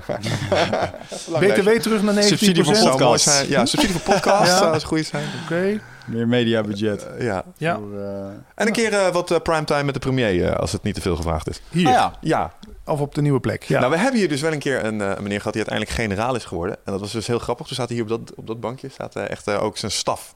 Dus eh, Ja. de, de premier, we kunnen hem er- hier in principe gewoon ontvangen. Ja? Ja. ja, dat was wel goed. Ja, het is Ja, wel de te gek. chauffeur had een beveiliger en had een persvoorlichter bij Ja? zich. Ja, dat was meneer Swillens van eh Korps Commandotroepen. Die, por die pornograf was hilarisch, hè? Ja, dat was echt hilarisch. Je moet voor de grap, want dat kan nu misschien wel. Want dit is toch eigenlijk de laatste Ja, die ja, we ja. opnemen. Het is een beetje een rare vraag misschien, Patrick. Maar weet jij wat een casting couch is? Nee. Oké. Nou, een boel mensen die niet thuis zitten, die beginnen te grijnzen. Ja? Casting couch, als je het zou googlen, het is een... eh, het is een eh, het is een, een type pornofilm dat je met name herkent door een eh, nogal eh, nou ja, afgekloven bankje alleen in een kamer. En dat is een beetje het enige, zeg maar. En ehm, het grapje hier in de studio is altijd, als je dat bord daar achter je eventjes zou willen omdraaien. Dus als je, Ja? moet je voor de grap eventjes ah, op de achterkant van dat bord kijken. Deze? Ja? Deze staat ook op de website. Eh daarbovenaan, ja, dit is ons scrumbord, maar daar staat ook casting couch jokes. 11 in totaal. Er mag nu een streepje bij. Ja. 12. Dank je. maar elke keer als er dus mensen komen die dat kennen... Ja. ehm, en die, eh, die beveiligingsmensen van eh, de, hoe heet dat, eh, de kolonel... die wisten dat direct. Die kwamen binnen en zeiden... hey, casting coach. Ja? ja. Ja, Dus ze moesten wij uitleggen aan de... Nou ja, Dat was hilarisch. Toen ging hij bij de bord staan om een streepje erbij te zetten. Wij lagen helemaal in de deuk. En die kolonel die vraagt, wat zitten jullie dan te lachen? te lachen? En hij draait zo het bord om. Ja, kerstingcoach is ook. En die man doet kerstingcoach. Zeg zo, het siertje dat, je- dat jij het niet weet. Ik zeg maar, die mannen van jou, die weten het wel. dus hadden drie gasten met een rode boei daar op de bank zitten. Mooi, je mocht het even uitleggen aan de generaal in de Ja. toekomst. Dus Nou, ik mag daar daar even op liggen? Of wat is de bedoeling? De komende meisjes? Of Dat is normaal in, eh, in, in die Ja. video's wel het geval. de zeg maar. fluffers? Vandaag komt eh, Big Bubba. Ah. Big Baba. Die staat Ja. om kwart over vier ingepland. En die Zo zou over leuke meid. hier leuke zijn. meid, ja. Mooi. Zijn er nog andere dingen die... eh, eh, heb jij trouwens eigenlijk wel, heb jij wel eens geld verdiend met podcasten? Zit er een... Nee, zit er een eh, nog nooit. Want jij doet best wel veel met filmpjes online zetten en zo. Zit er een eh, commerciële reden achter? Ik krijg, nee, gewoon- helemaal niet. Nee, dat, is, dat onderwerp heeft me zo gegrepen, dat non-dualiteit. Dat kon niet anders. En ook wel een beetje voor de naamsbekendheid. We krijgen wel eens donaties. Soms Ah. maakt iemand wel eens 150 euro over. Ah, of, eh, Hebben wij ook een keer gehad? Wij kregen een keer een tientje door de bus. Voor een biertje. Voor ja, bier. ja, serieus. We kregen een kaartje. Ja, van een Ja. onbekende afzender. Ja. Ja. Maar dan gaan we wel even pluggen, want wij moeten deze studio uit. Ja. En eh, we hebben een eh, mooi idee bedacht dat je eindbasis supporter kan worden. Op de website kan je ons maandelijks supporten met 5, 10, 20, 5000. 25, 100, 1000 euro per maand. En eh, daarmee moeten wij een nieuwe studio gaan bekostigen. Anders dan gaan we het niet, niet trekken om eindbasis voor te zetten. Dus Dat kan wel vanuit de woonkamer. Wordt toch iets minder. nee, maar we moeten gewoon een studiootje, een vaste plek hebben. En, eh waar we welke omgeving? ontvangen. Eh, Amsterdam denk ik wel. Ja, dus voor de gasten denk Ja, ik over het algemeen ja, wel ja. ver weg makkelijker. We vinden het al verwonderlijk dat er zeg maar 55 telkens naar deze kant van de IJssel Ja. wilden komen om hier te zitten. Dus, en jullie eh, hebben stroom nodig natuurlijk, hè? dat is, en internet is ook wel aardig. Ik heb wel een garagebox in Wilnis. Een Wilnis. Oh joh, daar helemaal. Is het ver? Nee joh. Vind ik ver? Nee, maar ik bedoel Amsterdam? meer, eh, wat doe je daar? Oh. Ja, dat doe ik hele obscure dingen. Ja, Ja. Daar, heeft, daar heeft hij zijn hokken staan. Ja. Als we het Nee. over die drugs hebben, dan eh, staat dat Ja. daar. eh. Nee, daar staat zeg maar, dat is al wel leuk. Daar staat, ik noem het het Ego Museum. Ik ben een tijdje koopverslaafd geweest. Niet kook, maar koopverslaafd. Ah, En dat ligt allemaal in die garage nog in de verpakking. En, ja. Het Ego Museum. het eigen. Oh, zo. Kunnen we nou niet eens een keer een eindbaas experience? Ja, dat lijkt me nou fucking leuk. Wij doen eindbaas experiences. Dat betekent dat we Ja. met, gasten wat gaan doen of zo. Dat we gewoon eens door die box heen gaan. Wat heeft Patrick allemaal Ja, gekocht ja, voor ja, zichzelf? Ja. Hoe verstandig is dat gelet op je politieke ambities? ja precies. een andere Hier een dubbelzijde dong, ja, weet je wel? gekleurde opblaaspop. Ja. hey, het is Oh, geen mens, het is een schaap, weet je wel? Ezel. Nee, dat kunnen we doen. Maar ik, eh, ik, ik, waar moet ik een tientje doneren? Dan doneer ik het eerste tientje, symbolisch. Oh, wat lief. Dat, Ja. dat is aardig. Dat Ja, mag. We hebben alleen we geen potten voor. We hebben geen pot. eh, nog. Nee. Maar eh, Het wordt gewaardeerd. digitaal gaan we dit doen bij ons op een pagina. Oké, En eh, ja, hoeveel zitten we? Nou ja, vijf minuten. oké. Is er nog een ding wat jij eh, per se zou willen melden hier? Of vragen. Ja, ik ben benieuwd hoe jullie bij elkaar... Zijn jullie echt door deze podcast bij elkaar gekomen of kennen jullie elkaar al? We kennen elkaar al. Oké. Via the internet. Wie kwam met het idee om een podcast te beginnen? Mm, Kennen jullie praten over bewustzijn al? Kennen jullie onze podcast al? Of is dat, hadden jullie al eens iets... Hadden jullie samen al een favoriete ik podcast? ken Michel al 17 jaar, denk ik. Via, hij had een vechtsportforum en vroeger was in de vechtsport, eh, was daar alles te doen. Dat was het ding. Hij was daar de oprichter van. En ehm, ehm, ik ging op een gegeven moment gala's organiseren en zo. Toen maakte hij posters voor mij. En toen kwamen we erachter dat we een leuke samenwerking hadden. Dat je op elkaar kon rekenen. En we hebben altijd gezegd van, joh, we gaan wat doen eh, samen. En ik heb hem vaak gebeld van, ik heb nu een idee. Kan je hier eens naar kijken? Hoe vind je dit idee? En hij zat vast een beetje in zijn baan en wilde nog niet echt. En uiteindelijk eh, ja, zijn we samen Nutrofit gestart. eh, supplementenbedrijf. En toen dachten we, ja, oké, we gaan nu meer dingen doen. En podcasten was wel een ding wat we alle twee luisterden. En ik weet nog dat hij, denk een jaar of vijf, zes geleden, begon hij op een gegeven moment tegen mij, ja, heb je die podcast geluisterd? Dan hebben ze het over DMT en de pijnappelklier.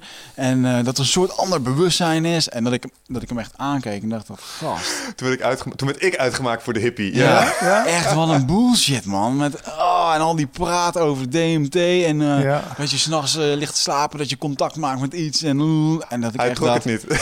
ah, dit gaat me echt te ver. Dit is fucking junkies, weet je. Ja.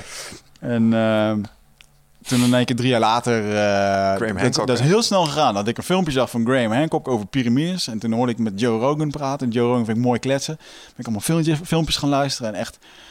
In een week tijd had ik het helemaal gevonden.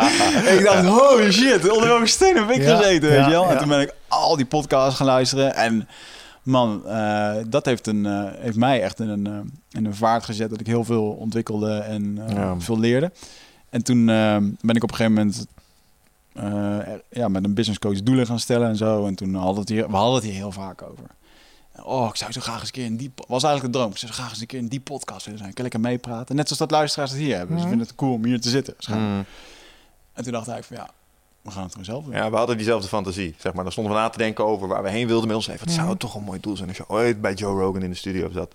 Ja. En toen dacht ik, ja, maar hoe kom je daar in godsnaam? Hoe ga je dat regelen? Ja, maar je hoeft niet in zijn studio te zitten. Hij kan ook in die van jou zitten. Ja. Is dat gelukt? Nog, Nog niet, niet. maar Oh, dat is, dat is, dat is het dat, als dat gelukt is, is het spelletje Nog niet. uitgespeeld. Ja, hè, dan houdt het op, hè? Dan is het klaar. Nou, nee, dan kun, je nog, dan kun je nog naar de president van de Verenigde Oh, Staten. ja, en ik dat, is wel- altijd wel iets te verzinnen natuurlijk.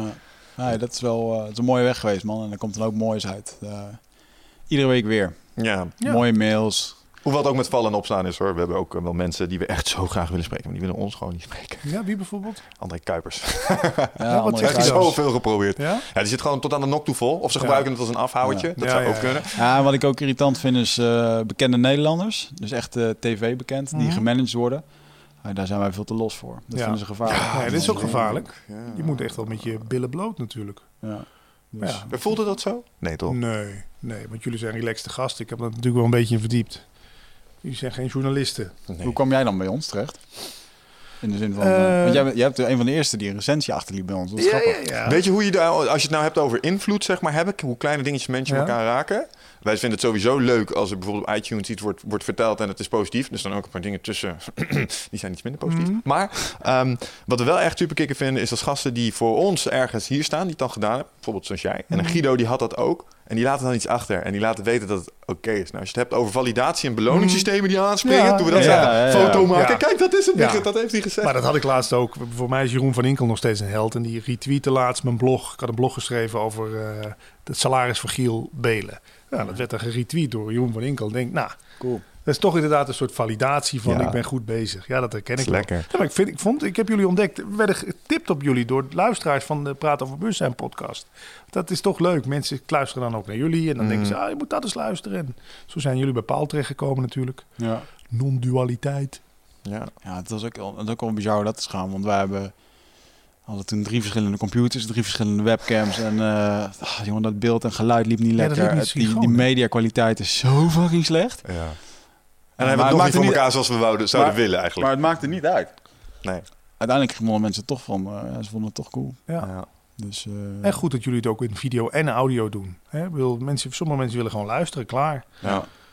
True. Nou, sterker nog, als je kijkt naar waar het zwaartepunt van onze afname ligt, dat komt ook wel door het format. Dat is op iTunes. Ja. Het is echt 98% versus. eh, en dat is wel eens jammer, want dan, eh, dan kom je in aanraking met clubs en eh, dan wil je of iemand, je wil iemand benaderen. En dan kijk je naar je YouTube-kanaal. Ja. Oh, oh 900 volgers. Ja. Niet heel veel, hè? Nee, maar als je naar iTunes kijkt, dan zit daar wel iets. Dus ehm, dat is wel grappig. True man. Oké, ik wil je bedanken man. Je bent Ja. een inspiratie voor eh, de podcastwereld en eh, de radio-dj-wereld. Ja, jullie ook. En eh, je bent ook gewoon een toffe gast. Dus eh, ik, vond wens je onwijs veel eh, politiek succes. Ja, Ja, thanks. ik ga op je stemmen. Oh, fijn. En jij? En, Je- ja, ik stem niet, maar bij deze ga ik ook wel stemmen. Nou, ik stem überhaupt niet, dus ja, dan Nee. moet je dat doen, toch? Denk er nog eens over na. Alright. Yo. Tot de volgende keer, jongens. Oké, ciao.